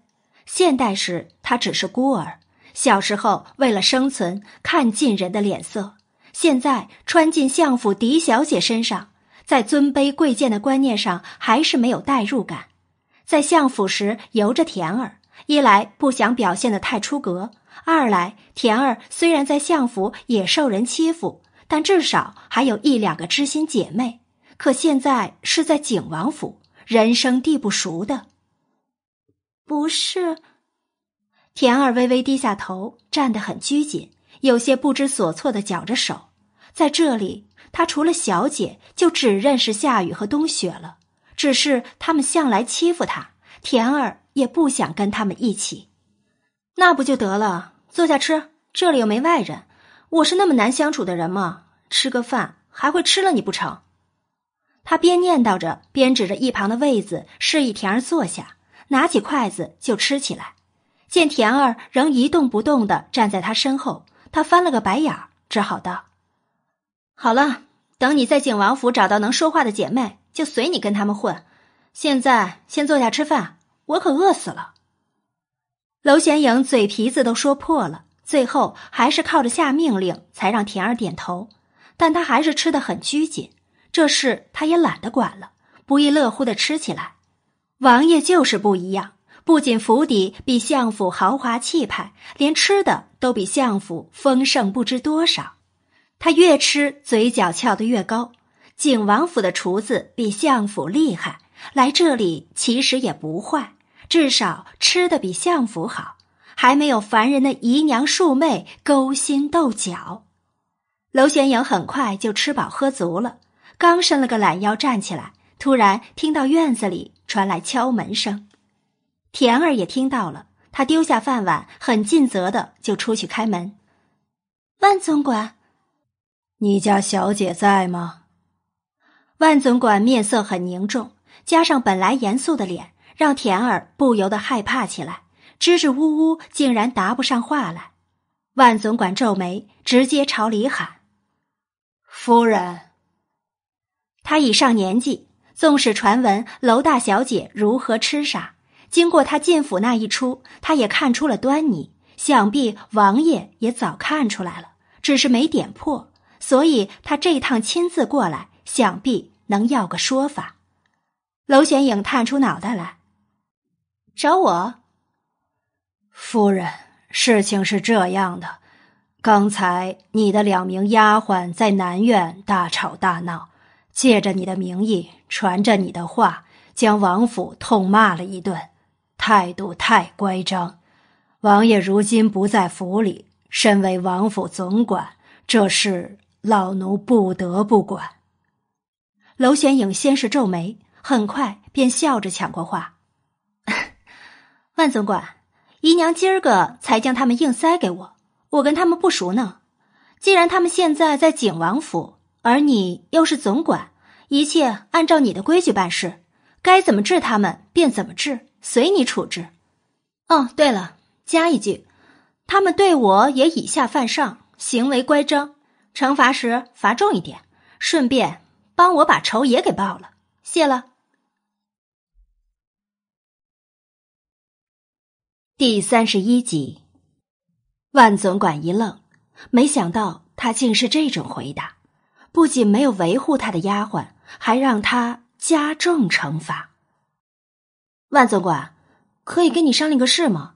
能麻烦你不要叫我夫人吗？我跟那个夫人称号八竿子打不着关系，听着怪别扭的。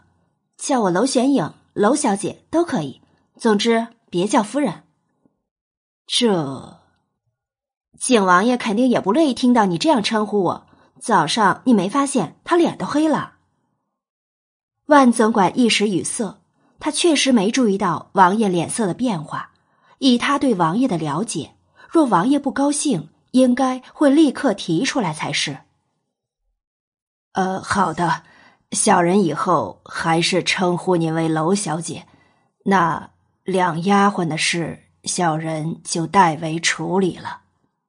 嗯，娄显影对此毫无异议，点了头，又跑回屋里整理自己的东西去了。万总管捋着胡须离开。身后跟着的奴才不确定的询问：“总管，皇城不是传闻娄大小姐是傻子吗？可刚才看她跟您说话，怎么感觉不像啊？”身为奴才，主子们的事，我们不该过问。万总管已经肯定，娄大小姐并非传闻中的痴傻，甚至可以说很精明。当晚，莫景浩回府后，万总管特将此事告知了他。王爷，娄小姐不仅没维护她的两名丫鬟，还让小人重罚他们。小人已按王府规矩给他们各处二十棍刑罚，而且娄小姐说话时神色如常。莫景浩握着茶杯的手一顿。眼神深邃如墨，很快他回神，轻嗯了声，手指在红木桌上敲了起来。留意翠竹园的动静，如有异常，再跟本王说。是王爷。娄显影适应能力很强大，从相府到景王府，他没有任何不习惯，吃喝玩乐全不误，睡到日上三竿才爬起来。摸摸平扁的肚子，喊道：“田儿。”田儿推门进来，忙拿了衣裙替他披上。小姐，你终于醒了。现在什么时辰了？四十快过了。娄玄影晕晕沉沉，在心里将十二时辰念了遍，总算推算出大概的时间。来到古代已经一个多月了。对古代的时间虽懂，但反应还是不够快。小姐，昨儿个夏雨和冬雪被打了二十棍，如今瘫在房里起不来。哟，被打了呀？那也是他们自找的，活该。不过话说回来，起不来就不来了。他们这丫鬟当的还真惬意，下次让总管给他们在府里安排个事儿，抬水劈柴也好。哼，田儿被他逗笑了。小姐，田儿猜他们肯定不会。他们入府就是跟在柳姨娘身边伺候着的，做的也只是伺候人的细活。小姐说的那些粗实活，他们都没做过。田儿边说边去端盆子，却被娄玄影阻止了。田儿，洗漱我自己来，肚子好饿，你去看看厨房里有没有什么糕点什么的可以吃，顺便帮我向万总管要点彩墨来。他一会儿要去练画，可昨天刚进府，墨汁就被他打翻了，得重新要一些来。好的，田儿马上去。田儿说着就往外跑。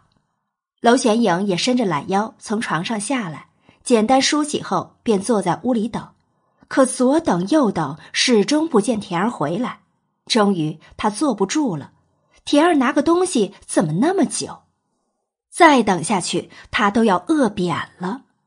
他负着手，大摇大摆的出了翠竹园。半盏茶功夫不到，他就懵了。厨房往哪个方向走？正巧。这时，身旁经过两名丫鬟，娄玄影很虚心的上前问路。那两名丫鬟将他从头打量到尾，当着他的面就掩嘴大笑起来。小桃，你看看，这位楼家小姐连梳妆打扮都不会，果然是傻子吗？连丫鬟都不尽心。娄玄影听着他们的嘲讽，嘴角微抽，想起头发是自己梳的。确实没有发型可言，因为他根本不会梳，就随便梳整齐了，挑起一小撮，用丝带绑好，戴了只珠花就完事了。可就算这样，他们只是景王府的丫鬟，竟然敢嘲笑他。景王府的丫鬟都这么不懂礼数，就算我并非景王爷迎娶进门的，但好歹也是相府大小姐，在身份上。我是主，你们是婢。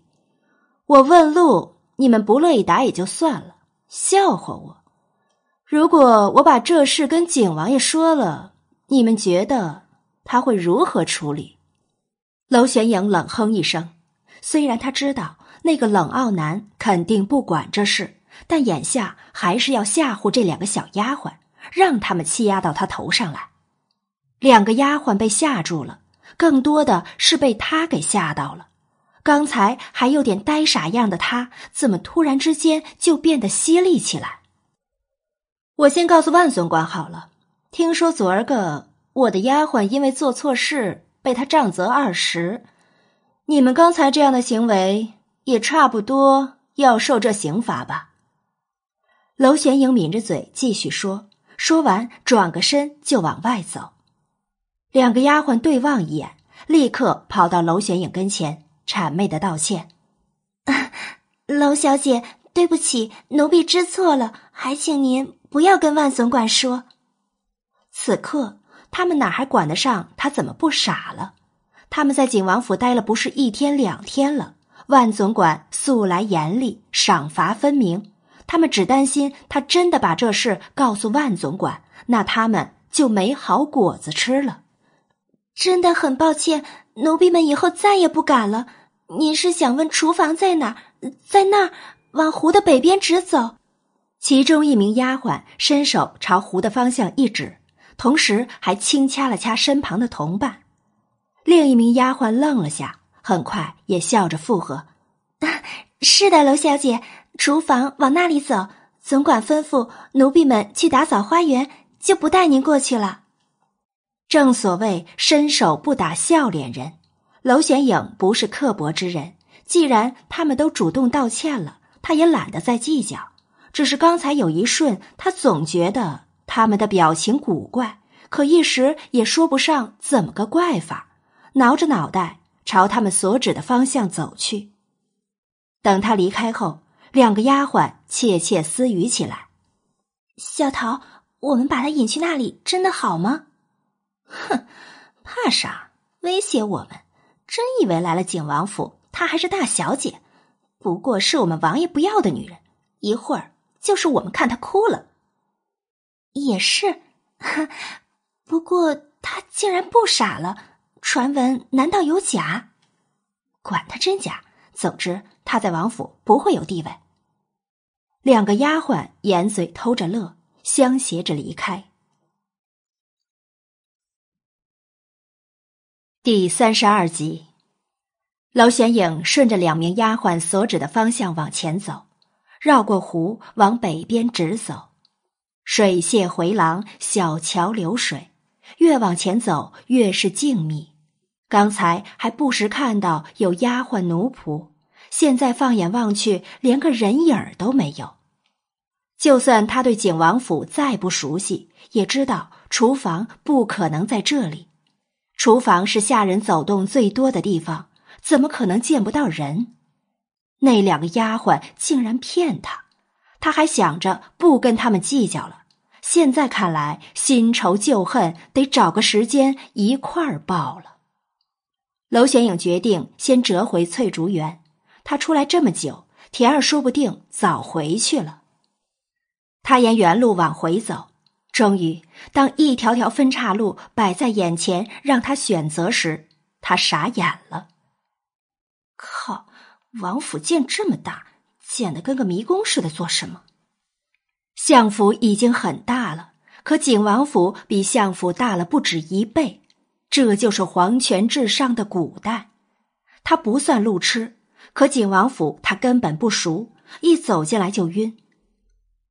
有人吗？求带路啊！为毛连个人影都没有？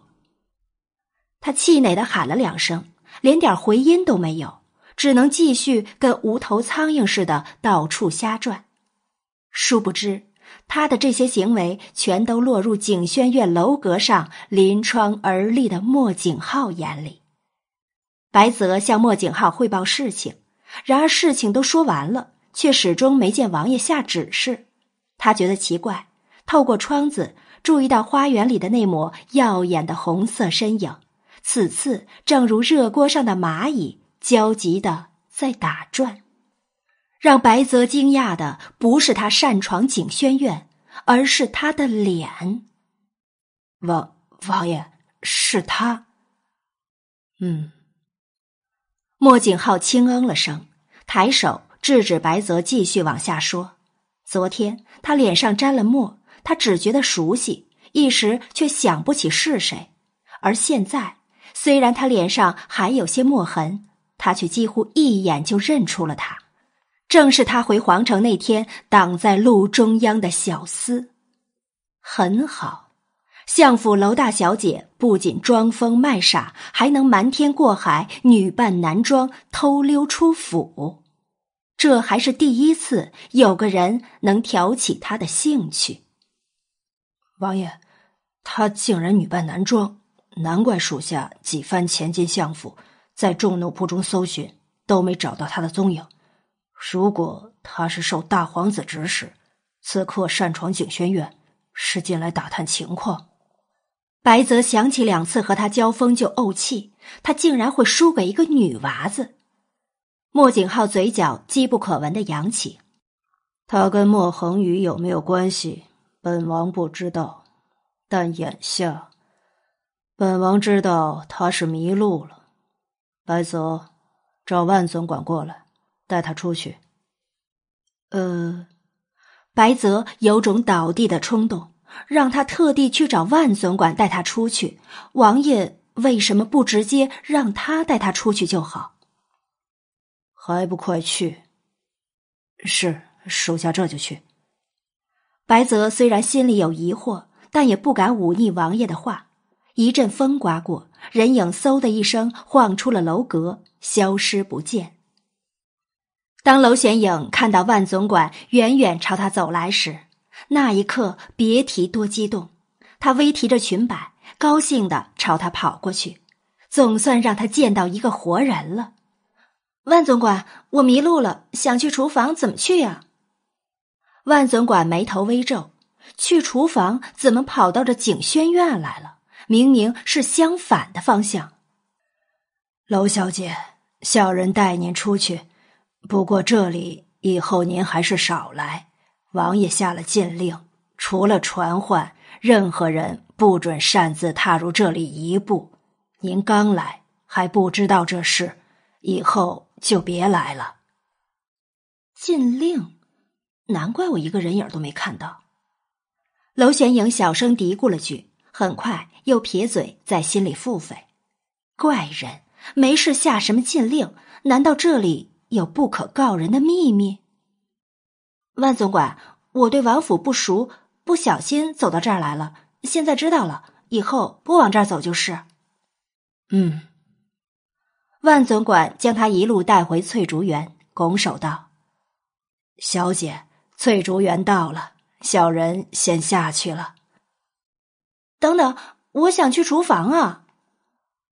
厨房那地儿也不适合您去，您有什么吩咐，让丫鬟去做便好。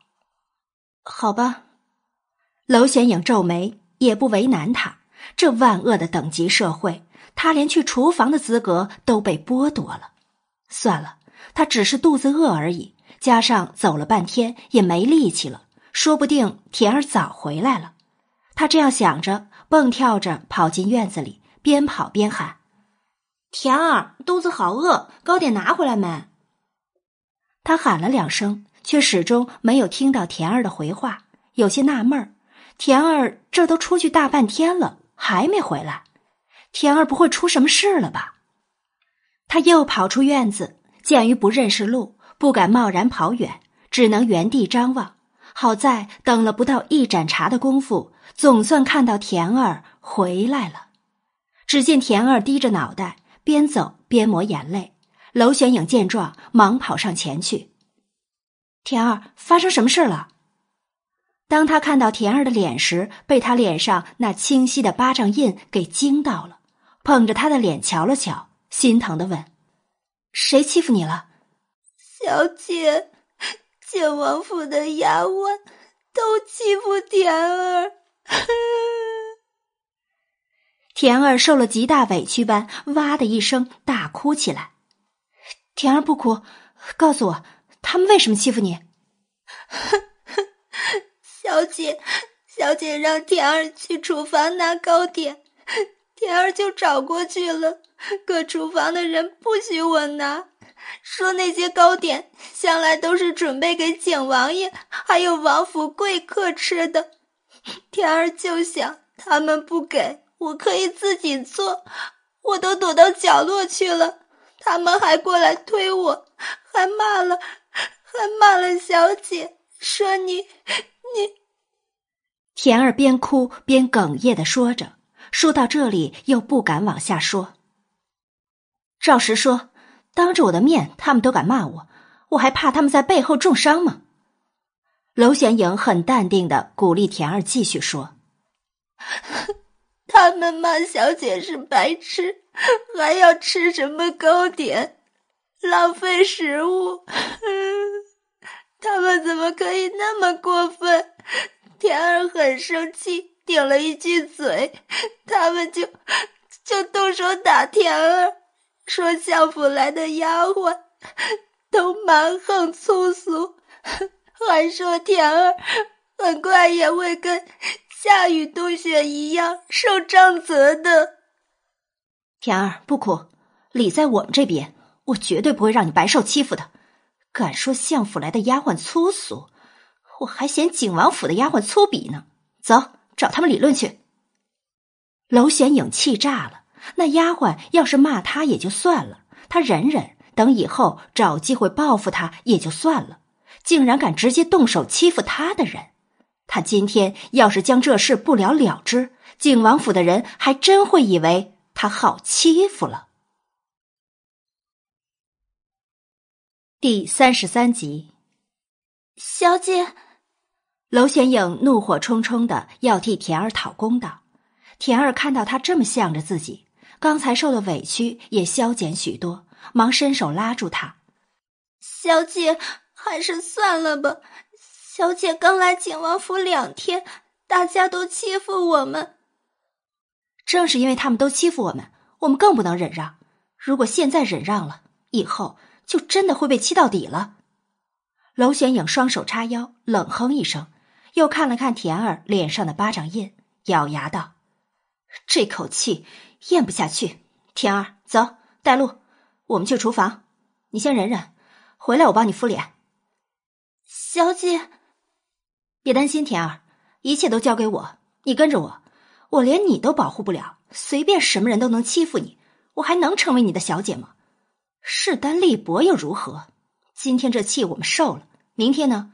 他们肯定会更加欺负你，然后就敢对我甩耳光，我们还要过日子吗？可是，小姐，我们才两个人。放心，两个人够了。娄玄影笑着安抚他，拉着他就往前走。立在他们这边，一个人也足够。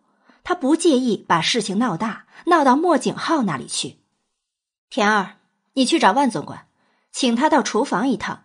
如果他不乐意，你就跟他说，不想厨房被毁，就麻烦他走一趟。娄显影在田儿的指引下来到厨房，为了明智，他更是一脚踹在厨房的木门上，发出巨大的声响，引来众人侧目。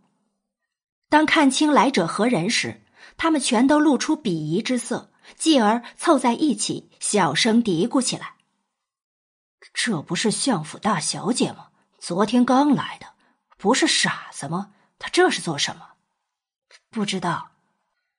刚才，娄显影清了清嗓子，扬声对他们说道：“说了两个字后，还特意停顿了片刻。是谁打了我的丫鬟？又是谁说相府来的丫鬟都蛮横粗俗的？原来是巡视来的。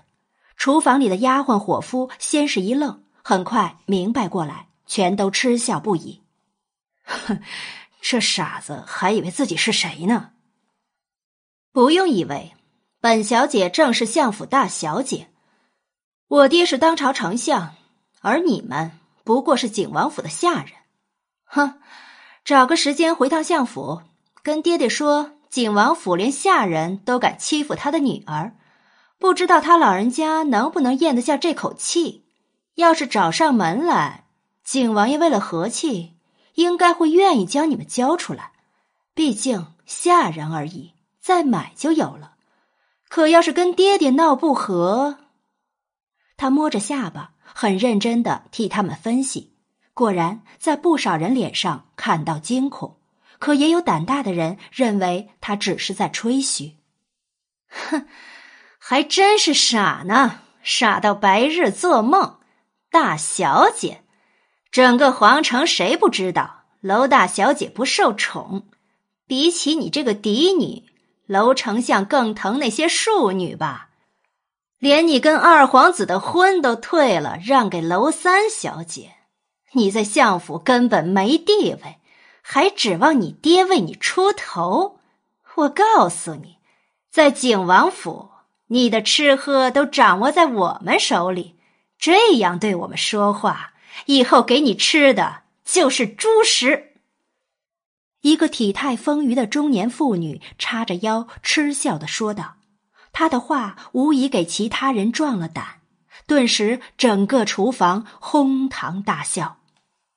娄显影将所有人的嬉笑听在耳里，不怒反笑，而且脸上的笑容也越来越古怪，敢威胁他。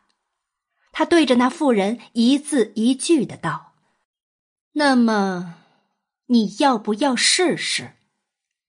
说完这话，他迅速移动到那妇女跟前，扣住她的肩膀。只听咔嚓一声，筋骨错位，脚往他膝盖一踢，手一掀，在众人还未反应过来之时，肥胖的妇女就被看似瘦弱的娄玄影掀翻在地。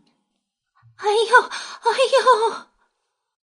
厨房里除了妇女的哀嚎声，一阵寂静，全都看傻眼了。怎样？我不仅说话对你不客气，还对你动手了，给我做猪食去啊！娄显影双手环胸，眼神一一掠过厨房里的众人，见他们没动静，他笑了，卷起衣袖，朝堆了满满几大桶的食材走过去。你们不做。我替你们做，他说着，拿起大长铲往食材里乱铲一通，混合着放进大锅里。刚要加料，他们反应过来，蜂拥着冲上来阻止。着啥急？饭还没煮好呢。娄显影挥动大铲，送了他们每人一铲子。顿时，厨房里乱作一团。有些被拍痛的人抱头鼠窜起来。他玩上瘾了，从炉灶里抽出一根着火的大木头，挥舞两下就甩柴堆里去，便看着他们手忙脚乱提水扑火。疯了，疯了！他疯了！他要烧了厨房！厨房里尖叫声连连，娄玄影银铃般的笑声就显得极其突兀。王爷，这事小人来处理就。万总管本想劝莫景浩离开这里，事情交给他处理就好。然而“好”字还没出口，就听到厨房里传出乒乓巨响，还伴有尖叫声。他眉头一皱，又见一堆人陆续冲了出来。到底是怎么回事？你们在做什么？为首的正是一身耀眼红衣的娄玄影。听到怒斥声，他循声望过去。看到万总管时，乐了，将手中的铲一丢，人也同时朝他跑过来，直接躲到他的身后。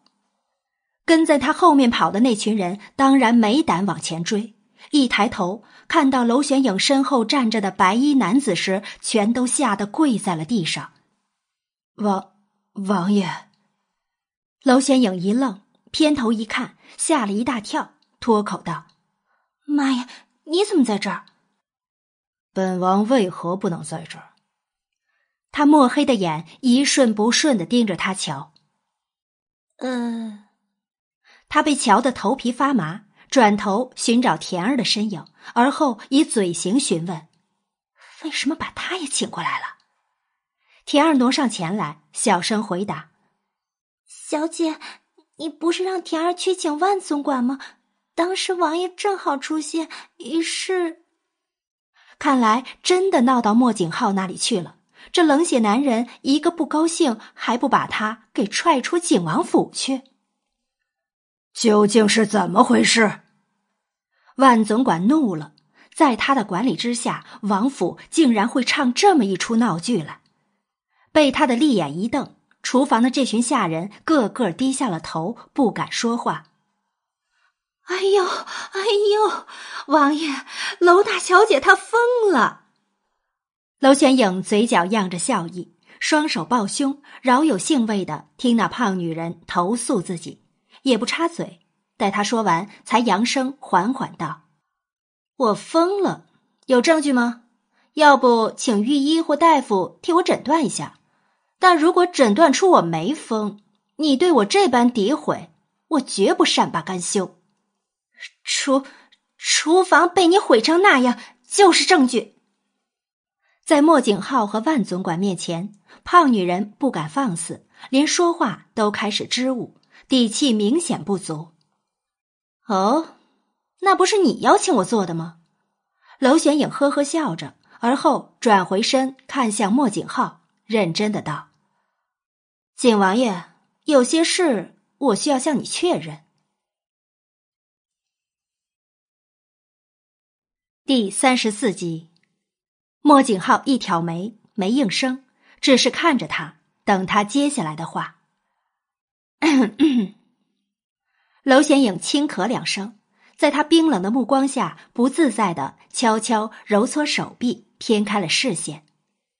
景王爷，我来景王府，想必不是你的意愿，但同样也不是我的意愿啊。再怎样。我身份也不至于比你王府的下人还低贱吧？来景王府非他意愿。听到这话，他的眼里闪过一丝异样，久久之后回答：“本王若没记错，有让万总管单独给你安排院子。你觉得王府下人有这种待遇？”听了他的话，他笑了。他虽然没直说，但意思很明显。他的身份绝不比下人低贱，他要的就是这句话。第二个问题，景王府的糕点我吃不得。莫景浩看向万总管，意思是这事不归他管。万总管明白他的意思，忙解释：“娄大小姐若想吃糕点，吩咐一声，自是要多少便有多少。”很好。他勾着唇角，笑得别有深意，眼眸瞟向厨房那群人，发现不少人已经开始颤抖了。他抬起纤纤素手，指向他们：“他们骂我的事，我就不去计较了。但是，我今日不过是想吃糕点，让我的丫鬟到厨房给我拿些来。等了大半天没见他回来，后来才知道厨房的人刁难他，说我不配吃糕点，不给就算了，连带辱骂了相府所有的丫鬟，还动手打了田儿。证据就是田儿脸上的巴掌印。身为他的主子。”我不该为他讨个公道吗？可景王爷，你王府的人是怎么说话的？笑话我也就算了，还命令我说话对他们客气点他们掌握着我的吃喝，威胁说以后给我送猪食。你来评评理，究竟是相府的丫鬟粗鄙，还是景王府？娄玄影脑袋微仰，直视莫景浩，唇角带笑。眼神却很坚定，他要的是个说法。可有此事？万总管立眼瞪向呆若木鸡的一群人，厉声质问：“王爷，总管，不是他。我敢发誓，若我刚才说的有半句假话，就遭天打雷劈。你们敢吗？”他双手环胸。在他们刚要否认时，出声打断，看着他们挑衅的问：“他就不信他们敢睁眼说瞎话起誓？一群古人最信这个了，怕的就是真遭雷劈。”果然，他这话说完后，他们都惊恐了，没人敢再吱声。王爷，万总管拱手向着莫景浩，想请示他这事如何处理。莫景浩一抬手。淡声道：“这事你处理就好。”是王爷。万总管应声后，又再次瞪向厨房的这群人，恨声斥责：“你们好大的胆子！身为王府下人，你们觉得做的事、说的话适合吗？景王府不会留你们这种人。”呃，王爷，奴才们知错了。求您不要赶奴才们出府。万总管刚说完，那群人全都吓坏了，纷纷跪下求饶。不行，留下！我不仅对你们说话不客气，还告了你们一状。你们若留下了，我以后不是要担心会吃到猪屎？更甚者，要是你们在我食物里下毒，小命岂不是不保？奴才们不敢。我看你们不是不敢，等你们王爷转身离开后，我会被你们啃的连骨头都不剩。奴才们不敢，奴才们真的知错了。他们朝着娄玄影拼命磕头，只有祈求他松口了，他们才有留下的可能。如果被赶出景王府了，还有谁敢收留他们？他们都有老小要养。你想如何处理？莫景浩终于开口了，把话语权交给娄玄影。他拖着下巴思考了会儿，笑道：“你们这么多人，我也不是非把你们赶走。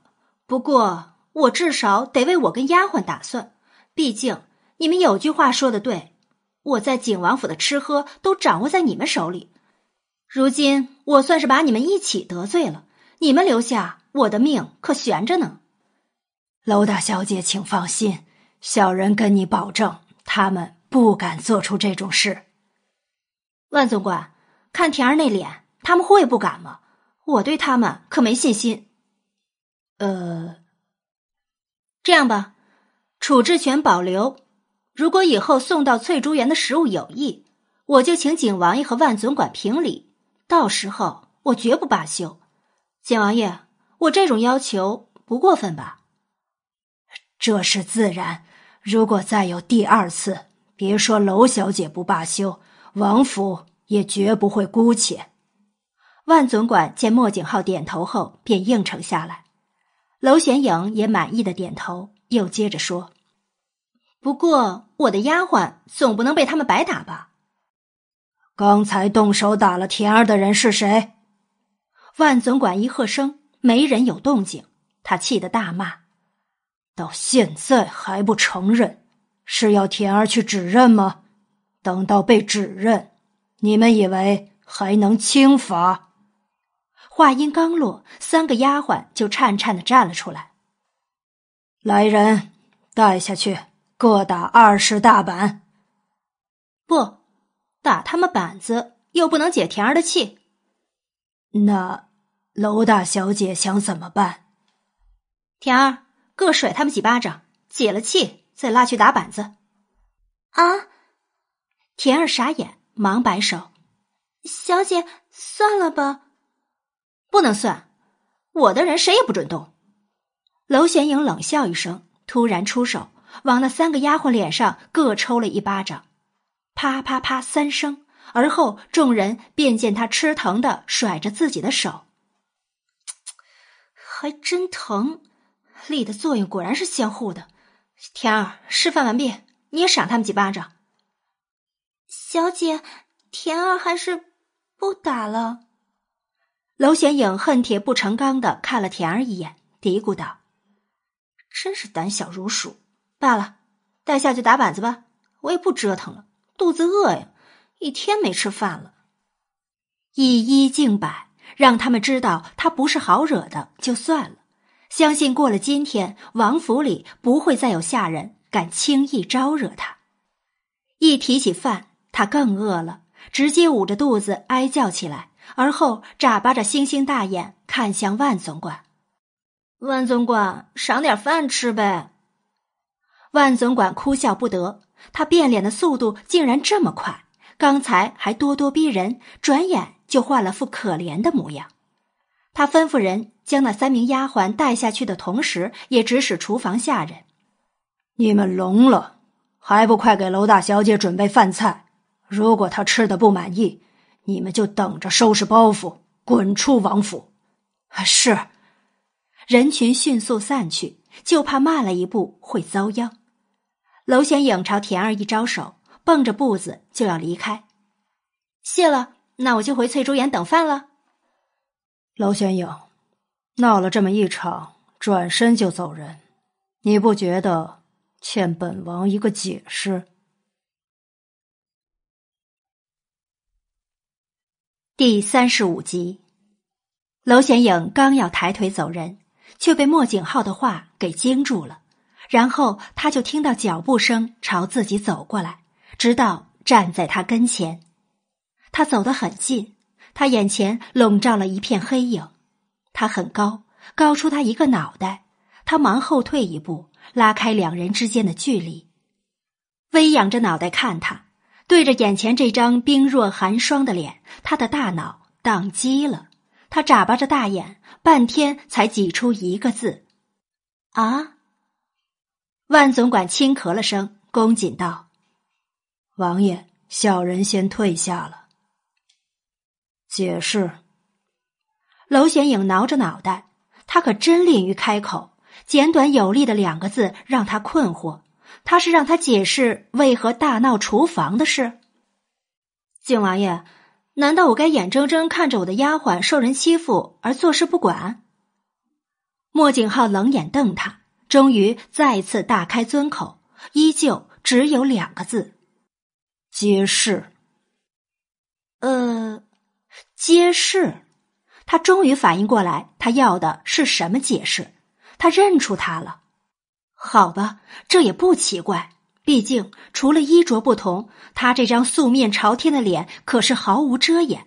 那天还跟他正面起冲突了，可他能怎么解释？别跟本王装疯卖傻。他刚想装傻当听不懂，就被他一语道破。他摸了摸鼻子，好一会儿才再次仰头看他，笑道：“ 我不知道从哪儿解释起。”要不，景王爷，你问详细点儿。你问一句，我答一句。莫景浩眉毛一挑，他是料定他不愿多说话，才这样挑衅他。他会让他知道他的想法有多天真。他负手转身走人，这让娄玄影一阵呆傻。这人也太没礼貌了吧！不接受他的提议，不乐意说话，也不能这样不声不响就走人啊。不过他又不是不知道他臭屁的性子，走就走吧，他还省得花费唇舌解释。这样想着，他一摊手，对着他的背影扮了个鬼脸儿，朝一边傻站的田儿一招手。同样转身，朝与莫景浩相反的方向准备离开。娄玄影，本王准你离开了。因他的话，他抬起的脚再次僵在空中。他什么意思？他都走了，还不允许他走？跟上。等了半晌，仍不见他有动作，他再次出声提醒：“自己走。”或者本王找人带你走。他的声音里冷意更添几分，连田儿都听出来了，忙催促他：“小姐，王爷让你跟他走，快跟上。”娄玄影一抚额，无奈的转身，有些气闷，追上莫景浩的步伐。景王爷，拜托，我不是你肚子里的蛔虫，你一句话都不说，转身走人，谁知道你什么意思？他低眼睨他，看他气鼓的脸，依然一句话都未说，转身负手前行。娄玄影咬了咬红唇，拳头微紧了紧。这什么人？太没礼貌了！小姐，快跟上！田儿在一边小声提醒，就怕小姐慢一步又惹怒景王爷。哼！他不满的哼了声，瞪了前方那白色的背影几眼。极不情愿的跟上去，景王爷，你要问话，为什么不能在那儿问？人多嘴杂。他早注意到窗边的那群人不时往外窥望。回答完他的话，他左转往湖边的小亭走去。娄玄影撇嘴，可当他看到亭子的圆桌上摆着瓜果点心时，两眼发亮，抬腿就跑过去，更是将已走到亭口的莫景浩挤到一边去。整个人扑到圆桌上，啊，好饿呀！他说着，两手各抓了一块糕点，就往嘴里塞。莫景浩不悦，一抬头看到他狼吞虎咽的模样，顿时只剩啧舌。景王府虐待你？嗯，我一天都没吃饭了，你王府没给我送吃的。一抬头看到他暗黑的脸，他意识到自己说错话了。马上陪笑着改口：“ 是我自己睡过头了。”莫景浩抿嘴，一甩衣摆，大气的在他对面坐下。丫鬟立刻上前奉上一杯热茶。王爷，请用茶。水。娄玄影刚想开口要杯茶，被自己给呛住了，猛咳起来，嘴里的糕点屑更是喷到对面去。莫景浩皱眉，迅速退后躲避。娄玄影毫不客气的将原本属于他的茶端过来喝了口，烫。他白了他一眼，他是来闹笑话的吧？给本王再送杯茶过来。是，奴婢马上去。丫鬟答应一声，快速退出亭子。很快，他又端了杯茶回来，递到莫景浩面前，扶了扶身子离开。几块糕点入肚，他总算吃了个半饱，用衣袖抹了抹嘴角，问对面举止优雅、品着茶的莫景浩：“有什么话你问吧。”莫景浩拨着茶盖，轻啜了口茶，才盯着他道：“相府大小姐女扮男装溜出府，所谓何事？”娄玄影侧坐着，一手撑着脑袋，一手拿着个苹果，大口咬着。翘着二郎腿，抖个不停，那就是标准痞子行径。他不答反问：“原来景王爷对我这么感兴趣，连我做什么都想知道。”他知道他并不是这个意思，可就是故意曲解他。那天你挡了本王的道，正巧遇上黑衣人刺杀本王，事情真有这么巧？本王完全有理由怀疑。你跟那黑衣人有关？哼，既然你都怀疑我跟那黑衣人有关了，为何还答应皇上让我进景王府？不怕我的存在对你不利？你认了？他又咬了口苹果，再次反问：“如果我否认，你接受吗？”是说说看。他说着，又喝了口茶，等着他的辩解。景王爷，你太看得起我了，你爱信不信？我连你是圆是扁都不知道，好不容易能偷溜出相府，我只是去买画本的。那天你毁了我几本画，我还没跟你计较呢。他撇嘴，他才受委屈，竟然会被怀疑跟黑衣人联合刺杀他。好不容易，本王若没记错，数天前躲在景王府门口那棵树上的也是你。翻墙出相府对你而言，不是比吃饭还简单。那天，你又为何而来？我不想被送来景王府。可又没能力抗旨，我想你也一定不乐意接收一个傻子。可左等右等，没等到你有什么动静，那天头脑一热就冲过来了，想着你是皇子爷，要是不乐意，你父皇会强迫你。娄玄影边说着，边把最后一口苹果吃掉，将残核扔在桌上，小手毫不客气的朝那盘桃子伸过去，在莫景浩诧异的目光中，将它送进嘴里。他边吃着边含糊的问：“话说你为什么不拒绝？你其他兄弟都不愿收我。”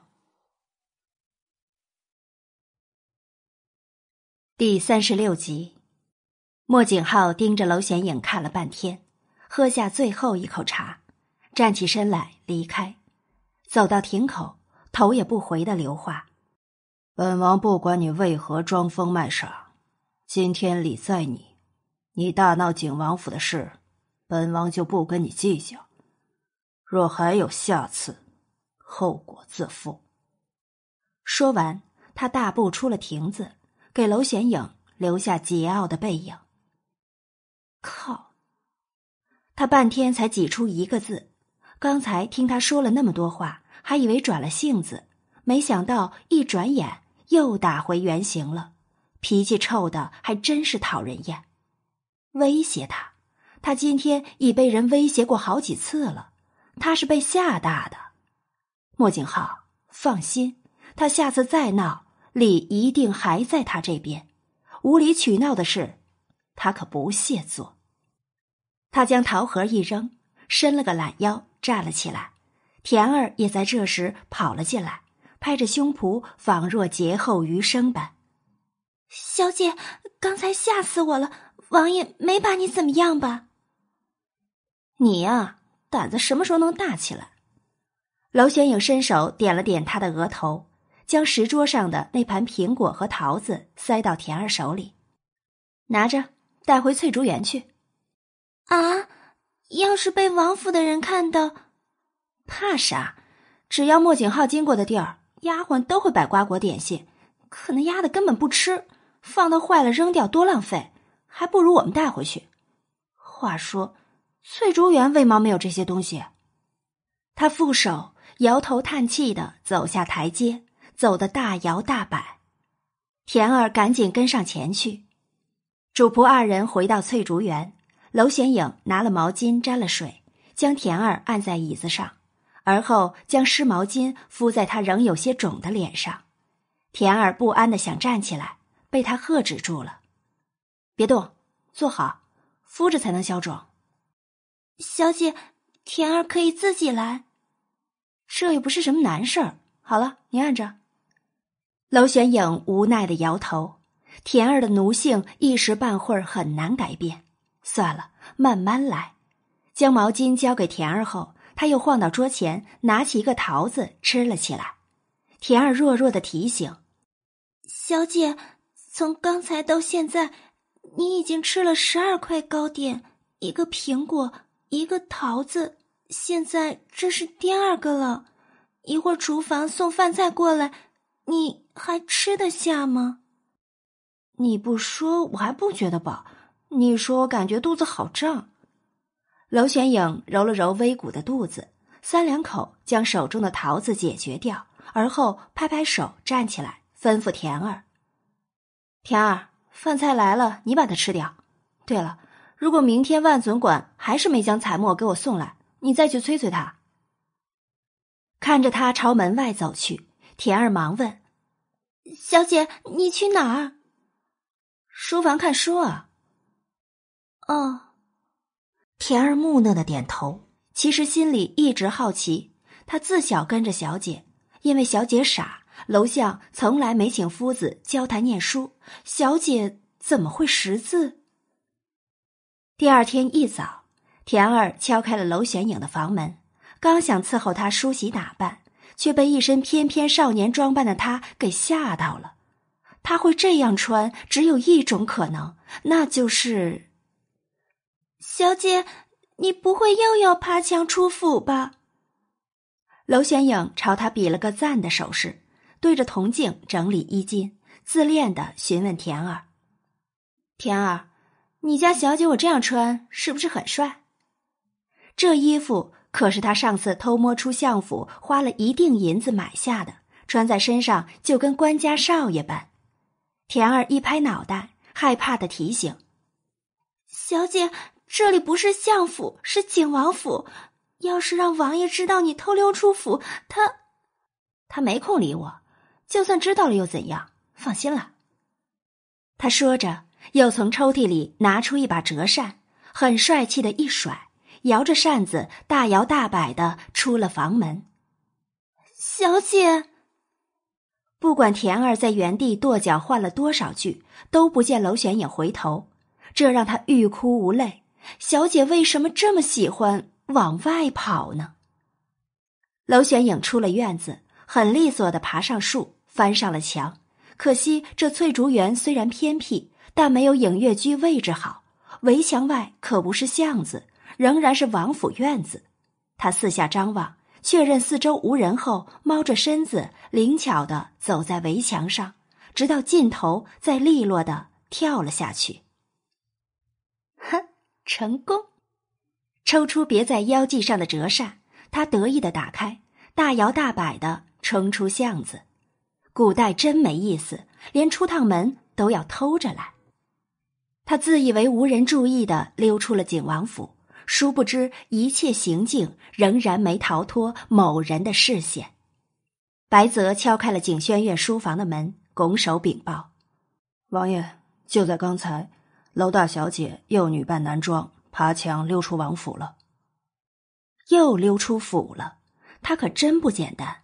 那么高的围墙，说爬就爬。”莫景浩眉毛一挑，紧愣了片刻，朝白泽摆手：“嗯。”知道了。白泽等着他做指示，可半天没见他有下一句话。王爷就这样任他出府。莫景浩又轻嗯了声，似乎对这事并不感兴趣，依然翻看着手中的军书。王爷，听厨房的宋嬷嬷说，昨天娄大小姐稍一抬手就把他掀翻在地。上次跟属下也交过手，武功虽然不高。但身手还是不错的，楼相会让他学武。莫景浩终于将视线从书中收回，眉头紧皱，半天才道：“跟出去，看他去了哪儿。”是王爷，别让他发现。他的警觉性并不低，难道真如白泽所说，他其实懂武？是。白泽退出去后。莫景浩摸着下颌，又思索了许久，才重新拾书看起来。娄玄影在街市走了一遭，买了两个烧饼，边走边吃，一身秀气的书生装扮与他的行为大相径庭，不过依然无损他的英气，引来了不少皇城少女倾慕的目光。他浑然未觉的往前，哪里有热闹就往哪里凑。当他看到凤翔酒楼前挤满了人时，也兴冲冲的挤了过去。人群里多数都是衣着光鲜的高壮男子，女扮男装的他身材娇小，完全挤不进去。也不知道这里究竟发生了什么事。他抬起油乎乎的小手，戳了戳前头的大叔，很有礼貌的询问：“大叔，请问大家挤在这里做什么？”小伙子，你是外地来的吧？风华公子在凤翔酒楼里作画呢，这可是半年才能一遇的机会，大家都盼着能得到他的一幅画。大叔抽空为他解释完，又努力往前挤。风华公子，取这么骚包的名字，人也肯定很骚包。不过作画，大家会抢着要他的画，他的画工一定很好。要是能够帮他画上一幅，他再用异能。第三十七集，娄玄影踮着脚尖，不断的往上跳，可依然看不见尽头。只看见一个个黑压压的脑袋，照这情景，他压根儿就见不到那骚包的风华公子吧？更别说得到他的一幅画了。唉，看样子这次还是买不到风华公子的画。要是有这么容易，大家也不会早早来这里排队了。若能得到风华公子一幅真迹，挂在府上，那可是荣耀。耳边听着众人对风华公子的连连赞叹，娄玄影好奇的又找了个人问：“兄台，那个风华公子的画真的那么好？价值连城。风华公子在咱们宣墨王朝可被称为画圣。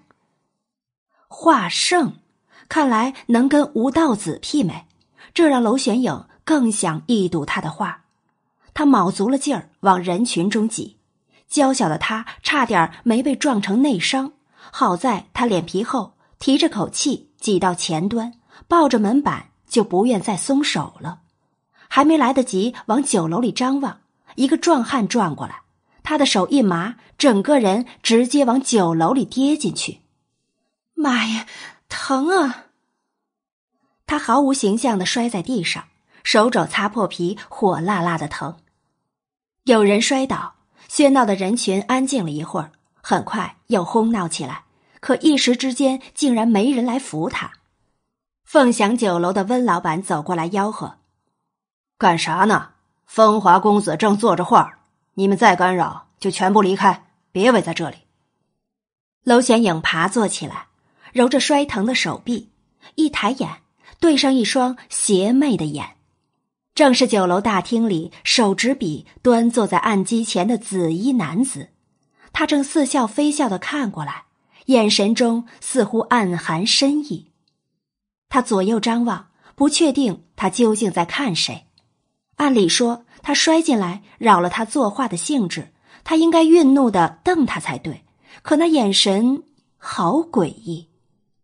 紫衣男子落下最后一笔，而后笑着对身旁的人道。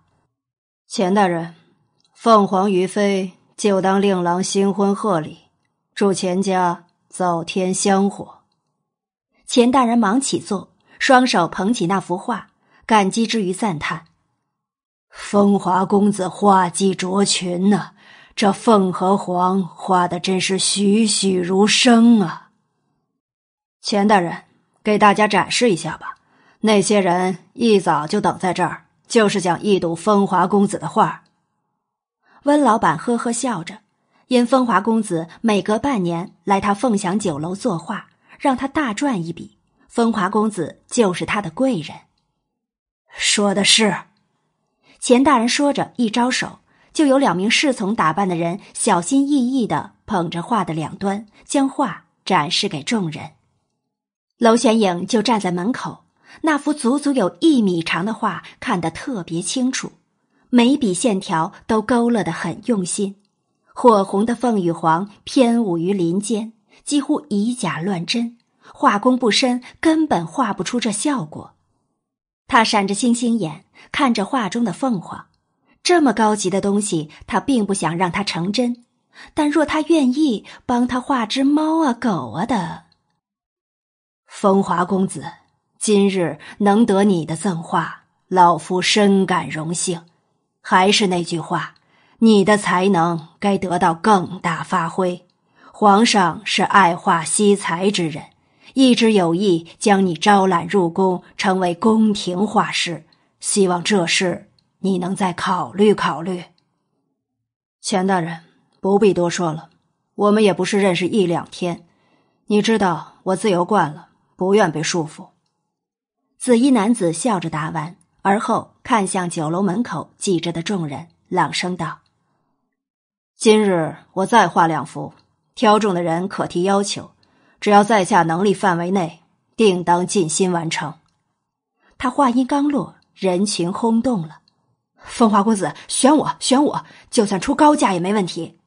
风华公子，我慕名而来，等了一天了，选我。风华公子。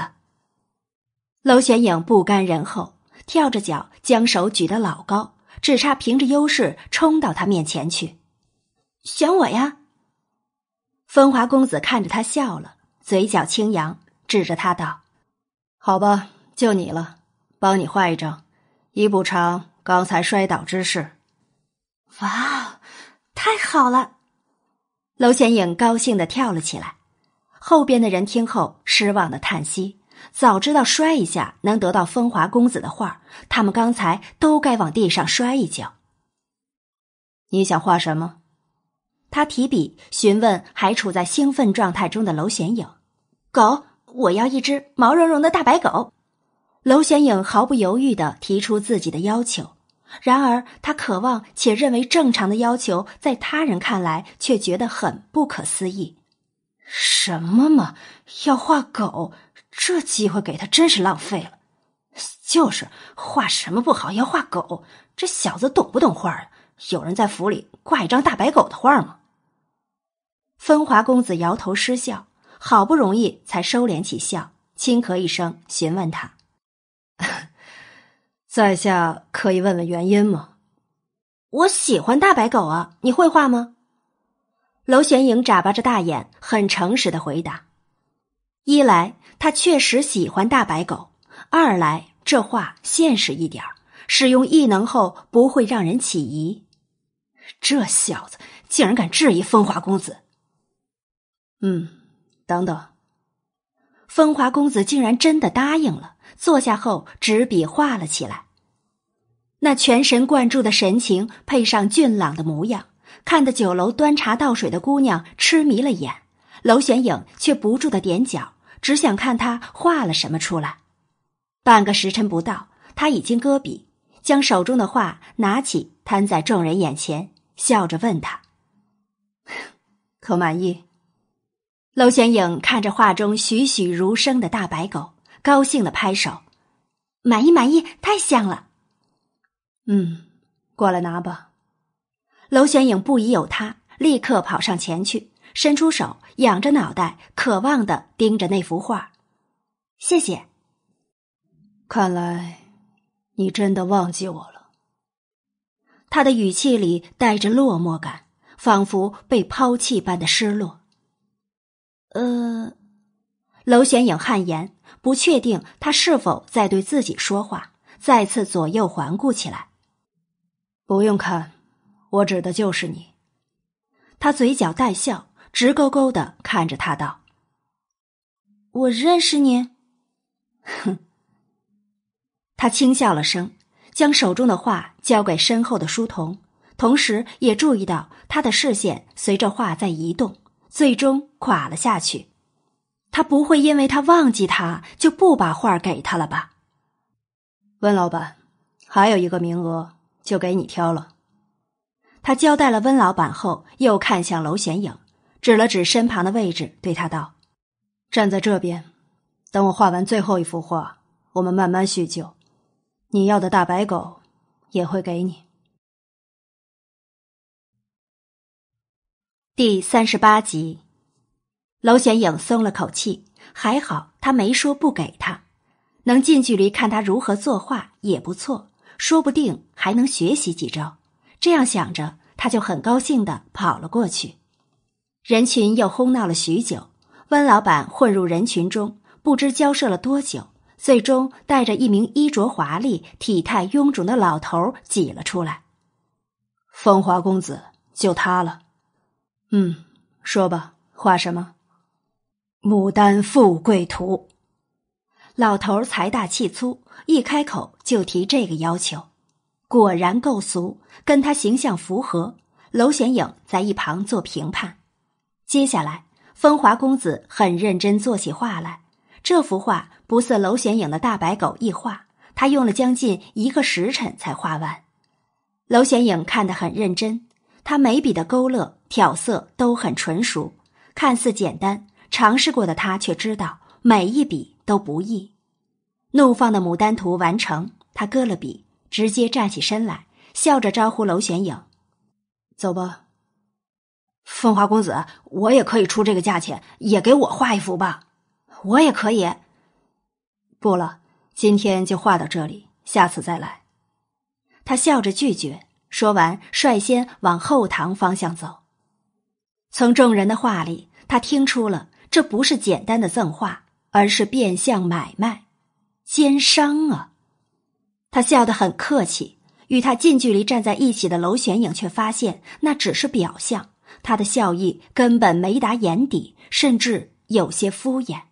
这人并不像表现出来的这样温润吧？甚至可能很奸猾。他贸然跟过去，能安全？可为了那幅可爱的小白狗，他思想斗争一番。最终还是屁颠儿屁颠儿的跟在那奸商后头走，进了后院，见他要朝屋里走，他终于皱眉停了下来。他如果真的认识他，那岂不是知道她是女的？她跟着一个男人进屋不妥吧？于是他出声喊住他：“喂，你要怎样才肯把画给我？是要我付银两吗？”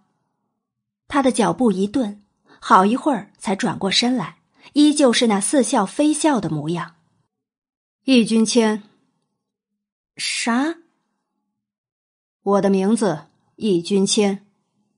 娄显影挠着脑袋，易君谦，那他不就是半年前我去过相府，画过一幅画给你，玄影妹妹。易君谦嘴角挂着邪魅的笑，还特意加重对他的称呼。他的画无疑肯定了他心中的猜想。影月居书房里挂着的那幅白地兰花瓷画，正是出自他的手，可他却没有关于他的任何记忆呀。半年不见，你就把我完全忘记了？我还记得那时候，你拉着我的衣袖，始终不肯松手。易君谦摇着头，无限感慨，似乎被他遗忘是件很伤心的事。娄玄影嘴角微抽，来到古代后，他认识的人也不是很多，包括黄甫臣在内，他已经碰上两个痞子男了。他做恍然大悟状，一副熟人的样子，喊了他一声“君谦哥哥”，而后便伸手向他要画。君谦哥哥，你不是夸我可爱吗？我最喜欢你的画了，给我多画几幅呗。他说完后微抖了下，是被自己恶心到的。只是脸上的笑意依旧不变，别听他叫的亲热，天知道他完全没记起他是哪号人物。怪只怪娄玄影本尊的记忆太薄弱了。易君谦爽朗一笑，不住摇头。从他的眼神里，他看到了陌生与距离感。他真的完全变了，过去的痴傻已不复存在，如今有的更多是精明。你可知？我不轻易帮人画画，如果画了，便是一画千金。他的脸一垮，也不跟他装模作样了，鼻子出气，哼了一声：“哼，黑心商人！你刚才和那什么温老板眉来眼去的，不就是在坑那些土豪的银子？我的话，你要收多少银子？”哼，土豪！易君谦发觉跟他说话真的挺有趣的，观察倒是仔细。只是这丫头的文学造诣似乎不高，眉来眼去能用在他和温老板身上。既然你叫我一声君谦哥哥，你也够特别。你的画我不收银子，而且估计我还要在皇城待上个把月。以后若还想要我替你画画，到这儿来找我。娄玄影一听，先是感到惊讶，而后大喜：“真的？”当然，他说着朝书童伸手，书童很快将画递给他：“喏，你的画。”他乐坏了，双手小心翼翼的接过来，摊开，仔细端详后，又重新卷起，由衷的向他道了谢。为什么女扮男装出来？他绕着他蹦跶了一圈，很骄傲的回答：“你不觉得这样比女装方便吗？女人穿着快拖地的裙子烦死了，爬个墙都困难。”爬墙？你从相府爬墙出来的？错，我是爬墙出来的，但不是从相府出来的，是从景王府出来的。我老爹把我送人了。易君谦眉头微皱，他扯着唇角笑道：“半年不见。”你已经嫁人了，该说恭喜。脸上笑着，嘴里说着调侃的话，可不知为何，他心里感到异常烦闷。什么嫁人？没那种待遇。皇上一道圣旨，我就被当做破烂强行塞进景王府了。总之，一言难尽。我跟那景王爷相看两相厌就对了。如果皇上可以不追究，我还想包袱款款走人呢。他听后松了口气。差点脱口说出他能带他走的话来，好在他向来冷静自持。莫景浩，他可不是一个好糊弄的人，被外夷人称为战神，在边境的威名足以让敌人闻风丧胆。你最好不要去挑战他。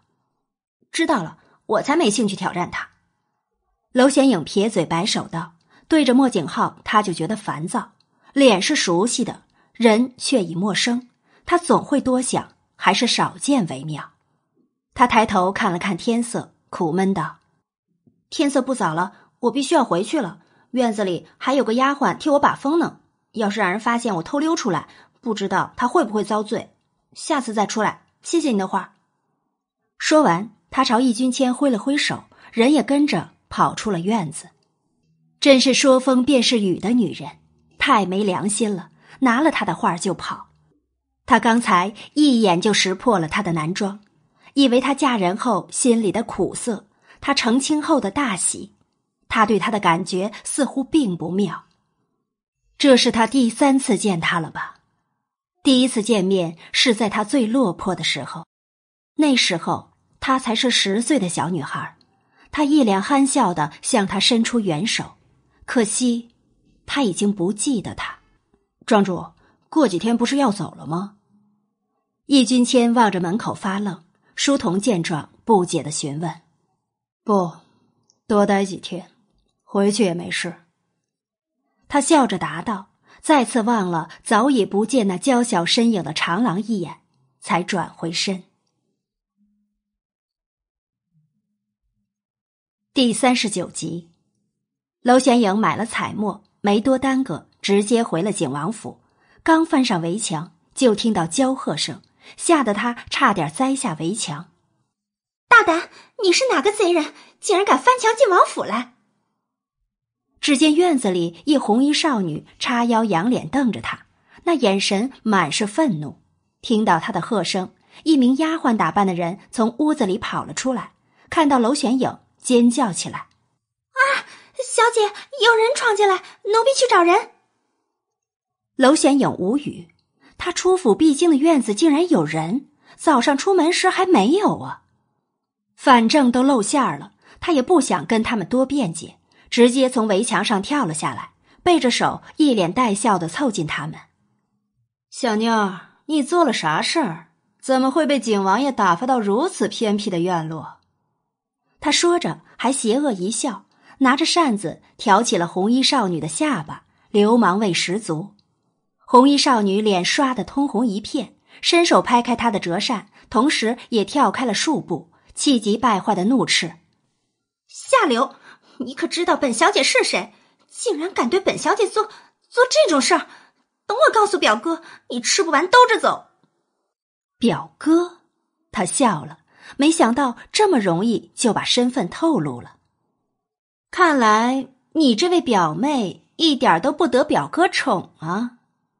从他提到表哥时一脸荡漾，娄显影就猜到他对莫景浩的感情不一般。可惜，应该是落花有意，流水无情的戏码。最烦古代的表哥表妹了。你，你别挑拨离间，谁说表哥不宠我？你这个外人有什么资格评断？哦，好吧。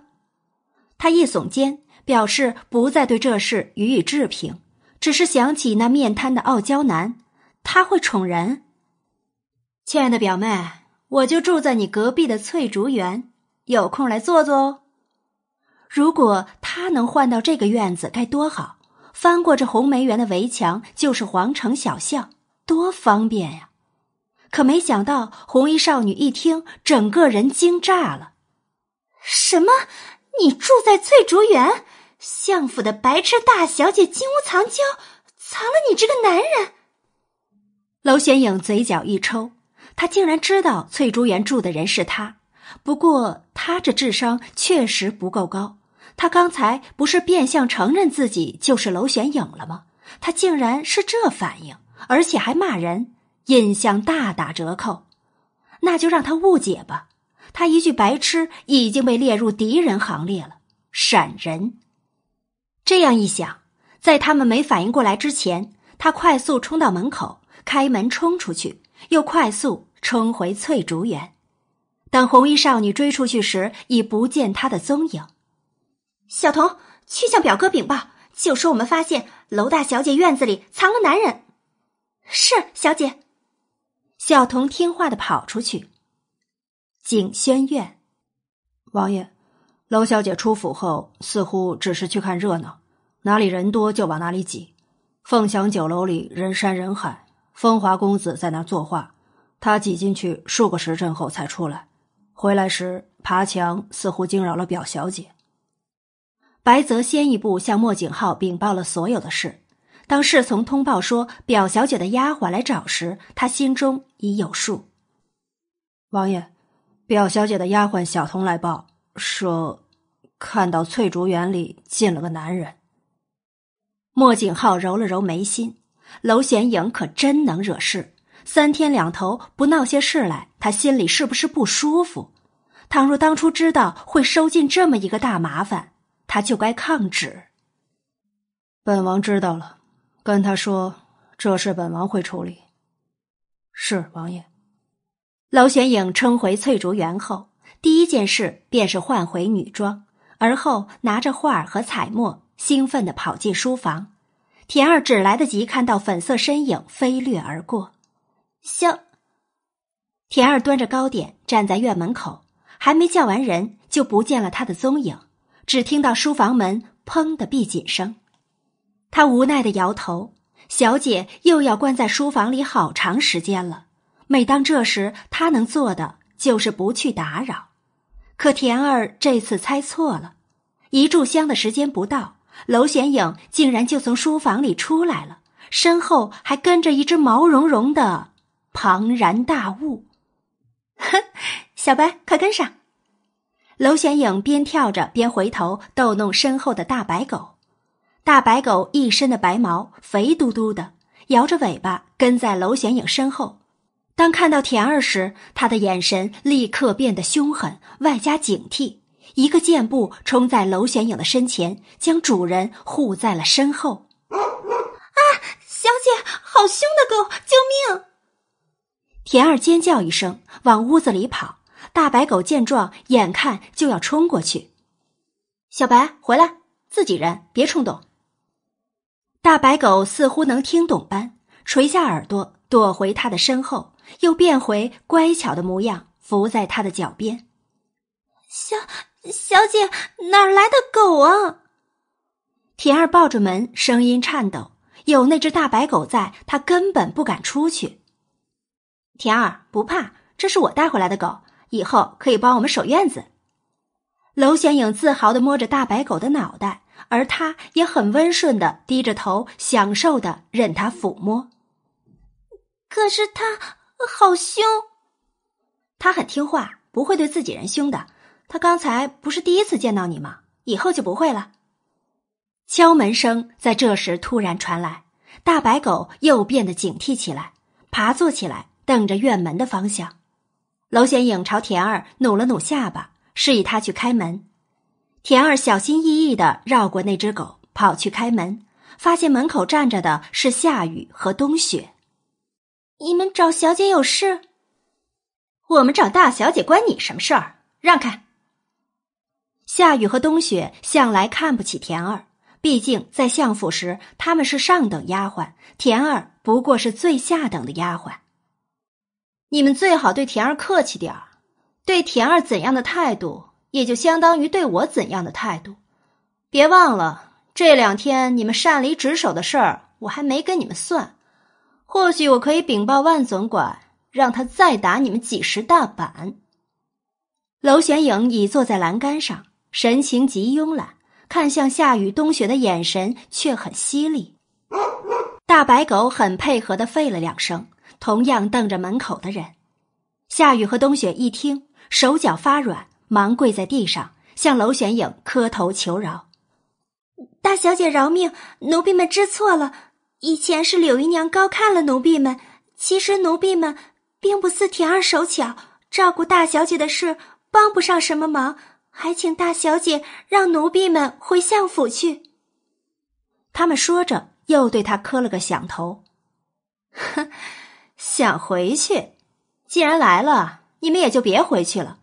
姨娘也说了，她把你们送给了我，从此以后，你们的主子就只能是我。娄玄影笑得很奸猾，他哪会不知道他们打的如意算盘？当初愿意跟过来，还不是算准了他是傻子好欺负？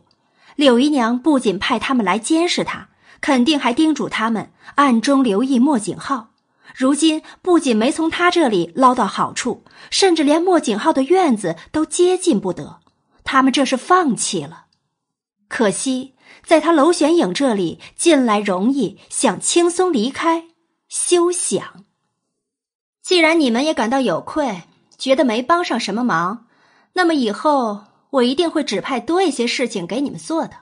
今天的任务，天黑之前把院子外的杂草都拔干净，拔不完，你们也别吃饭了。如果让我发现你们偷懒，你们就等着挨板子吧。留下这些话，他示意田儿关上院门，站起来朝屋里走去。大白狗摇着尾巴，默默跟上。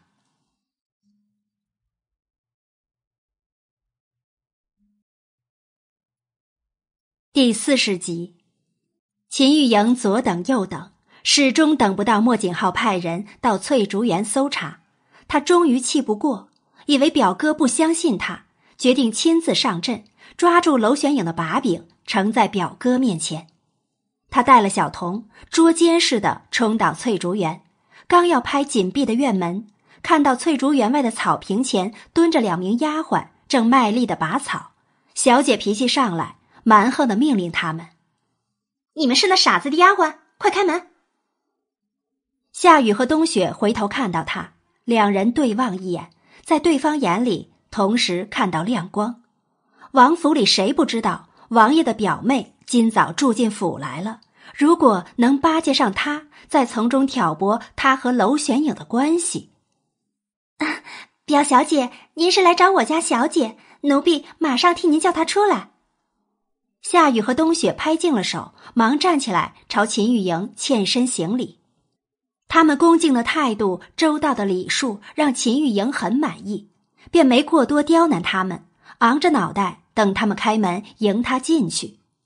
夏雨拍着门板朝屋里喊叫：“小姐，开门！表小姐要见你。”娄显影一听，眉头皱起。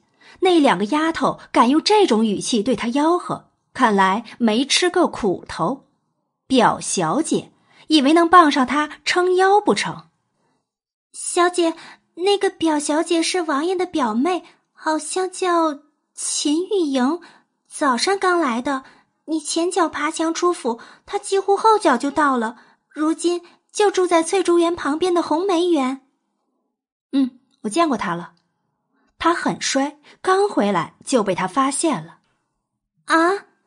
啊啥？不然你以为他现在为什么会找上门来？那要出去吗？如果可以不出去，我还真不想出去。可惜。娄玄影叹了口气。弯腰将胖嘟嘟的大白狗抱了起来。小白，你好重啊！来，我带你去迎接客人。田二打开门的刹那，娄玄影抱在怀里的小白也冲了出去，汪的一声朝秦玉莹扑去。秦玉莹尖叫一声，连连后退，还是幸免不了被小白扑在地上的命运。小白笨重的躯体踏在他的身上，伸着粉色的舌头紧盯着他瞧，那样子似乎随时都能张口咬下去。救命啊！把把这只死狗拉开！小白不满的朝他吠了声，似乎对他的称呼很不满意。秦玉莹吓得花容失色。几乎快晕厥过去，清晰可听到他的哽咽声。小白，恰在这时，娄玄影慵懒的出声唤道：“原本踩在秦玉莹身上的小白，立刻摇着尾巴走到了他的跟前。小白，怎么可以这么顽皮？要找人陪你玩，也不能将他踩在爪子下呀。”他嘴里说着无关痛痒的指责话，人也跟着蹲下。轻摸了摸小白的脑袋，小童见狗一跑开，立刻上前扶起自家惊魂未定的小姐。小姐，你没事吧？秦玉莹依靠小童撑着，狼狈的站了起来，回过神后，指着娄玄影就骂起来：“娄玄影，你养的狗，好大的胆子！景王府里什么时候允许人养狗了？居然还出来作乱！刚才你的狗要是伤了本小姐……”我让你吃不完兜着走。娄玄影笑着，继续轻抚小白的脑袋，用软糯糯的声音道：“小白，看来有人觉得你的招待不周哦。”小白突然扬起脑袋，目露凶光，瞪向秦玉莹，似乎等着娄玄影一声令下，然后朝他冲过去。秦玉莹吓了一大跳，忙后退几步。刚找回来的气势顿时萎了。你你别以为你养了条狗就想在景王府里作威作福，你这个傻！秦玉莹说到这里突然顿住，因为他终于发现不对劲儿了。传闻娄玄影不是傻子吗？可他说话利索，哪里有傻样？你不是娄玄影？哼！娄玄影站起来看着他，呵呵一笑。一字一句道：“本人行不更名，坐不改姓，正是娄玄影。”这下子轮到秦玉莹笑了，他将娄玄影从头打量到尾，嗤笑起来：“哼，装傻！你这是欺君，让皇上知道就是死罪，而且你还在屋子里藏了男人，一并追究下来，你会死无全尸。”眼真拙。他不过是换了身衣服，换了个发型，秦玉莹竟然就认不出他了。既然如此，他也不会告诉他。秦大小姐，我有告诉你，以前我是装傻的。或许你有证据来证明我以前不是真傻，而是装傻。人病了还能治好，你就不允许我由傻变正常？我在屋子里藏了男人。你可以进去搜，搜到了，任凭处置呗。他满不在乎的说完，还指着庭院比了个请随意的动作，意思是随便他搜。秦玉莹有些疑惑，但还是坚信自己的想法，拉着小童挡在前面，绕过那只狗，就进了翠竹园。他要一探究竟。丑话我说在前头，如果你找到了，我任凭你处置。可若是没找到你污蔑我之事，我不会善罢甘休的。娄玄影的话反而让秦玉莹振奋了，更加肯定自己心中的猜想，他一定是心虚了才会这样说。然而他在翠竹园转了一圈，完全没有看到男人的影踪，连男人的气息都没有感受到。娄显影，你把那个白衣书生藏哪儿去了？反正我没看到，你一口咬定有，你就自己找呗，最好能找到，否则我们来算账。他会让秦玉莹知道，他并不是好欺负的。秦玉莹不甘心，又和小童仔细的找了遍，连床底下和桌子底下都没放过，却始终无果。你，你一定是让那男人先跑了。哼，真好笑。你说话都跟放屁一样不思考的吗？你一想出来的事儿就要强加在我身上，那我说你院子里藏了一堆男人，你认吗？你污蔑我，切！我说的叫污蔑，你说的就叫事实了。娄显英懒得跟他理论，转头看向小白，笑道：“小白，送客。”小白很应景的叫了声，而后目露凶光，就朝秦玉莹扑过去。救命啊！秦玉莹吓得花容失色，尖叫着就往院子外窜。她的叫声吸引了王府侍卫，秦玉莹一看，犹如抓到救命稻草般躲到他们身后。表小姐，把把那只狗抓住！秦玉莹气喘吁吁，几乎说不成话。